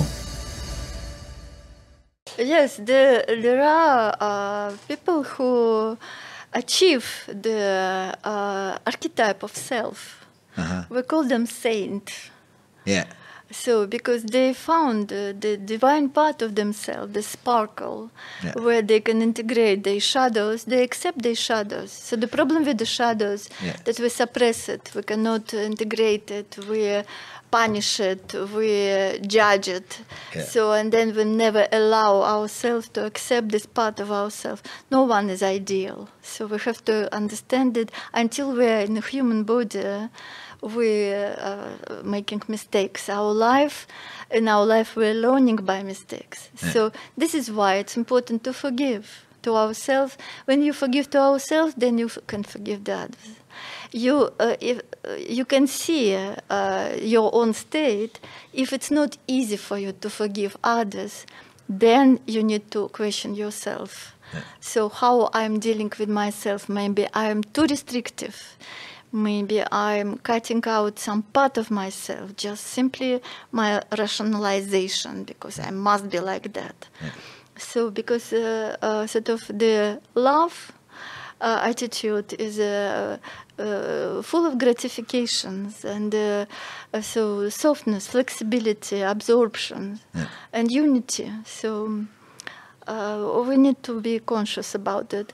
It's a, time to be the truth, not to lie to ourselves. So uh, our heroes uh, now, uh, the part of the heroes is coming from within. Uh, we are not anymore oriented and we are not anymore even attracted much many many people more and more aware that i want to be myself i'm not interested to be someone else who my parents want me to be like i want to be an artist but i have to be a, a judge for example so i passed through the university because my parents want me to be because our family follows this way. So, or uh, somebody pushed me to play the violin, but I hate it. So I want to be uh, someone else. I want to paint, for example. Uh, so we need to find uh, what is our authenticity and uh, to do. Very good method also uh, the sound healing. The the so uh, so so the, the the the path to finding um, authenticity. I think it's possible. Obviously, not obviously, but I think it's possible. But I think, and and we discussed this briefly back at back in Sunny. I think we discussed this or the time before, um, where the path to authenticity, I think a lot of people nowadays mistake it, right? I think a lot of people have hang-ups and they have anxieties and they have, and they think that whatever they do that makes that anxiety feels better is what they ought to be doing and they're being true to themselves. But I think in order to be authentic, first you need to kind of clean up all the portions of your psyche that are injured and nurse those. And that is where your true self can emerge, and that's where you can start um, to, to follow the path. Yes, it is. Uh, but when you started, you can see how huge and long path you have to go. So it disencourage many people. Uh, So that is why some uh, methods like a catharsis are quite a strong breakthrough and very fast. Uh, so uh, there are some methods that are slow working, like for example, verbal way of uh, psychology, psychotherapy, like psychoanalysis. It's an endless story, as you know. Uh, however, uh, it helps many people, uh, but it makes many people stuck um, on the same vicious circle. There are many other methods in our era that we should use. We should use. Uh, I, I'm telling this not uh, as my as an advertisement of myself. You can go to many different specialists now. Many people uh, honestly inspire uh, doing the, the work. So use for something. Uh, look for something effective. So read the testimonials. So listen to the people. uh, See what the specialist, what background have the specialist, and look not much for education, but for the years of experience. The more this person experience on some particular way, the more sort of uh, this person will get the practical knowledge and know more how to get uh, the um, how to help you. Uh, so. Um, Uh, yeah, uh, it's there's also the kind of um, issue that we were discussing earlier, which is um, shamans that are abusive. So, it- like, one would have to find like part of the selection process is also kind of how to weed out uh, people that pretend they are something when really they are in it for something completely different than Look, uh, the, sha- the shaman is also archetypal. Uh, actually, you, if you will see the tarot cards, this is all about archetypes: the emperor, empress, the fool, the, the so uh, everything is archetypal. Yeah. The god, uh, because as you know, so it's an archetype cre- invented by human mind, the projections, because definitely God is not what we put in our pictures. So it's something what is uh, beyond of our understanding Of and course. perceptivities. So uh, yes, uh, the question is how to make ourselves more integrative. It means more perceptive, more honest, uh, more flexible with ourselves, less judgmental. Because this judgmental attitude is uh, this is what kills us we separate ourselves, we chopped ourselves into pieces. And then it's very uncomfortable to feel yourself bad. So then we suppress it, we skip it. Yeah. I think I do that a lot. We all, we all this, in the same shoes because uh, uh, sometimes this part of ourself is on the way for us. Like we have to look cool, but in the same time, uh, uh, some archetype is screaming over there. So to have uh, this. Um, shaman uh, archetype is very attractive. Yeah, so you can take over a lot of people. So pretend that I'm Yeah, there's like, a that. messianic uh, Exactly. archetype This, you're absolutely right. This messianic tendency now is a quite big, big trap for the ego. Did you watch that uh, poor, poor Poor Country? Oh, what's the name of that documentary? Old Country. About the that that Indian guy that went to Utah. Wild, wild country. Yeah, wild country. It's a crazy documentary. Uh, so Aaron De Manuela, which is the hairy guy over there, where is he? There he is. Uh, can you explain? Jesus, bro, it's midnight. Can you explain Jung's concept? Look, we're gonna take one of these questions. Eh, Come here, come in here.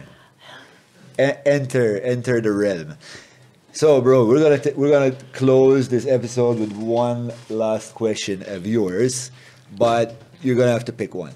I pick one? Okay. Yes, yes. I pick the first one. The pe- the first. Okay. Can you explain Jung's concept of synchronicity? Yeah. Uh, so s- the word synchronicity can absorb now uh, knowledge on not only on Jung but also uh, sort of uh, can take even the quantum physics to prove it. So what is the synchronization? Is what we uh, feel it's affect us. Uh, So what uh, what is resonate with our own material, our system of beliefs, our system of value, and with our, our own experience. Sometimes our own experience is getting in conflict with our perceptivities. So this is where we should uh, go deeper and understand. Uh, and uh, probably it's a good diagnostical point. So why I'm not synchronized with that? uh, because uh, maybe I have some trauma, or maybe because this is something that is dangerous for me from my previous experience. So um, uh, uh, when we are in synchronicity with ourselves, uh, it means that we uh, understand that uh, our personas are there. However, we know our authenticity as well, so we can remove the masks and we can be in touch with our essential point. Yes, like for example, the boss at work doesn't need to have the tie uh, at home. Yes, so it's uh, uh, different stories. So you are more in synchronicity with yourself. And actually, synchronicity is the only one way. Uh, the other word is the healing.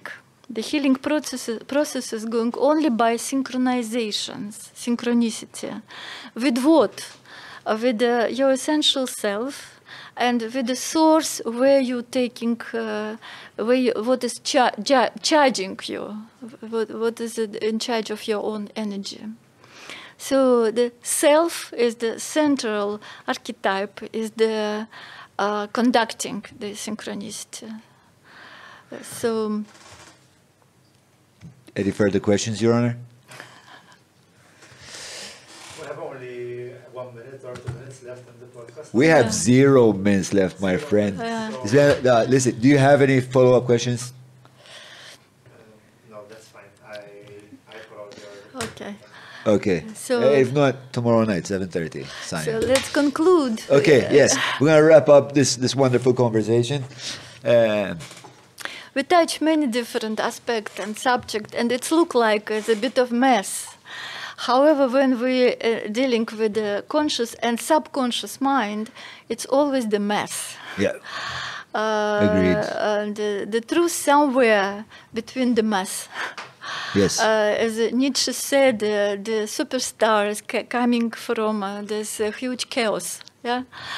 So uh, to make to bring the superstar or the, Yeah. means the consciousness of the mind, we have to deal with our own mess. And it look like a bit of a scary story.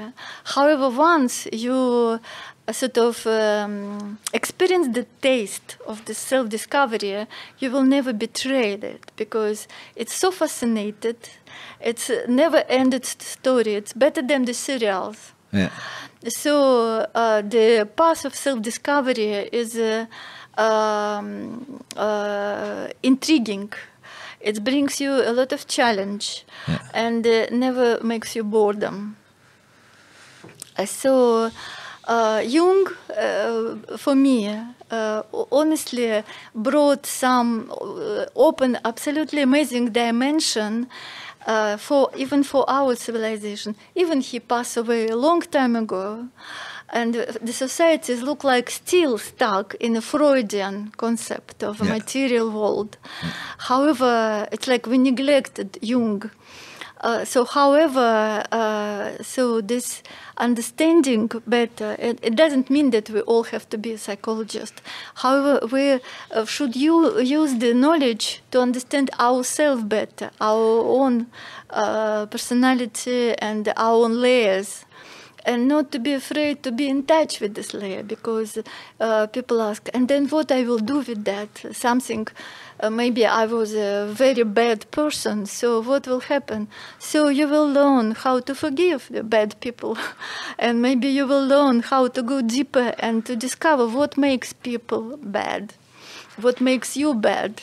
Yeah. so to um, And, it, and for me, it's even if like you don't go through that process, like what do you want out of your society, and what you want it if what you want is more peace, more harmony, less crime, less you know aggravation, then it's very clear that what we need to do is uh, love each other more. As counterintuitive as that sounds, because when people ask me, "What if someone did something to your family? Would you be able to forgive them?" and it probably is, I'm not, I'm not strong enough for, to forgive them. I'm not, but institutionally, we should have laws. We should have structures that favor forgiveness and love and these things that make better human beings, not what I feel as a as an animal when my little pack is, Yeah, is hurt. We're talking about the social values, so Yeah. it's all the same. What kind of values we bring out? Yeah. Okay. Listen. Uh, thank you for your, your your time and your openness and your your willingness to to discuss things. Um, I felt like it was a good it was a good uh, kind of exchange of world views. Uh, yes, of course. So if someone will find it interesting, and maybe for someone it will be helpful to do to think what to do next. Uh, Yeah. So uh, I feel like we've opened the door to like a vastness yeah. out there, which may be intimidating, but one step at a time, and because it is messy and it is quite abstract, and there is a lot of like shifting between technical intuition, technical intuition, and that can be tiring. Uh, beside, beside of everything, uh, both of us, you and me, uh, we're passing through our own journeys Yeah. and challenges, and we're just people. So who are doing a lot of mistakes. So I want to ask to forgive me if I touch somebody's sensitive point. So uh, being it as a religion or being it as a system of beliefs or philosophy. So the idea wasn't intentional, but the idea was to discover what is behind of all these values. I have no, uh, I have no worry about that. You come off as a very genuine human being. No, but still, uh, sort of, I would like to do so. So it's, uh, uh, and I'm, if somebody is listening to us, uh, my gratitude and my invitation, welcome for meditation. All right. Okay. Um, Lidia, um, thank you so much for, for being here. I'm sure we'll talk. we'll Thank talk you for inviting me. Thank Absolute you. pleasure. And thank you for Mars for hooking it up. Thank you very much. You're being very, very patient, guys. All right. Uh, thank you. Good night. You've been Thank you for wonderful all audience. the supportive group. Um, Yeah. Uh, Patreon.com forward slash John Mallia.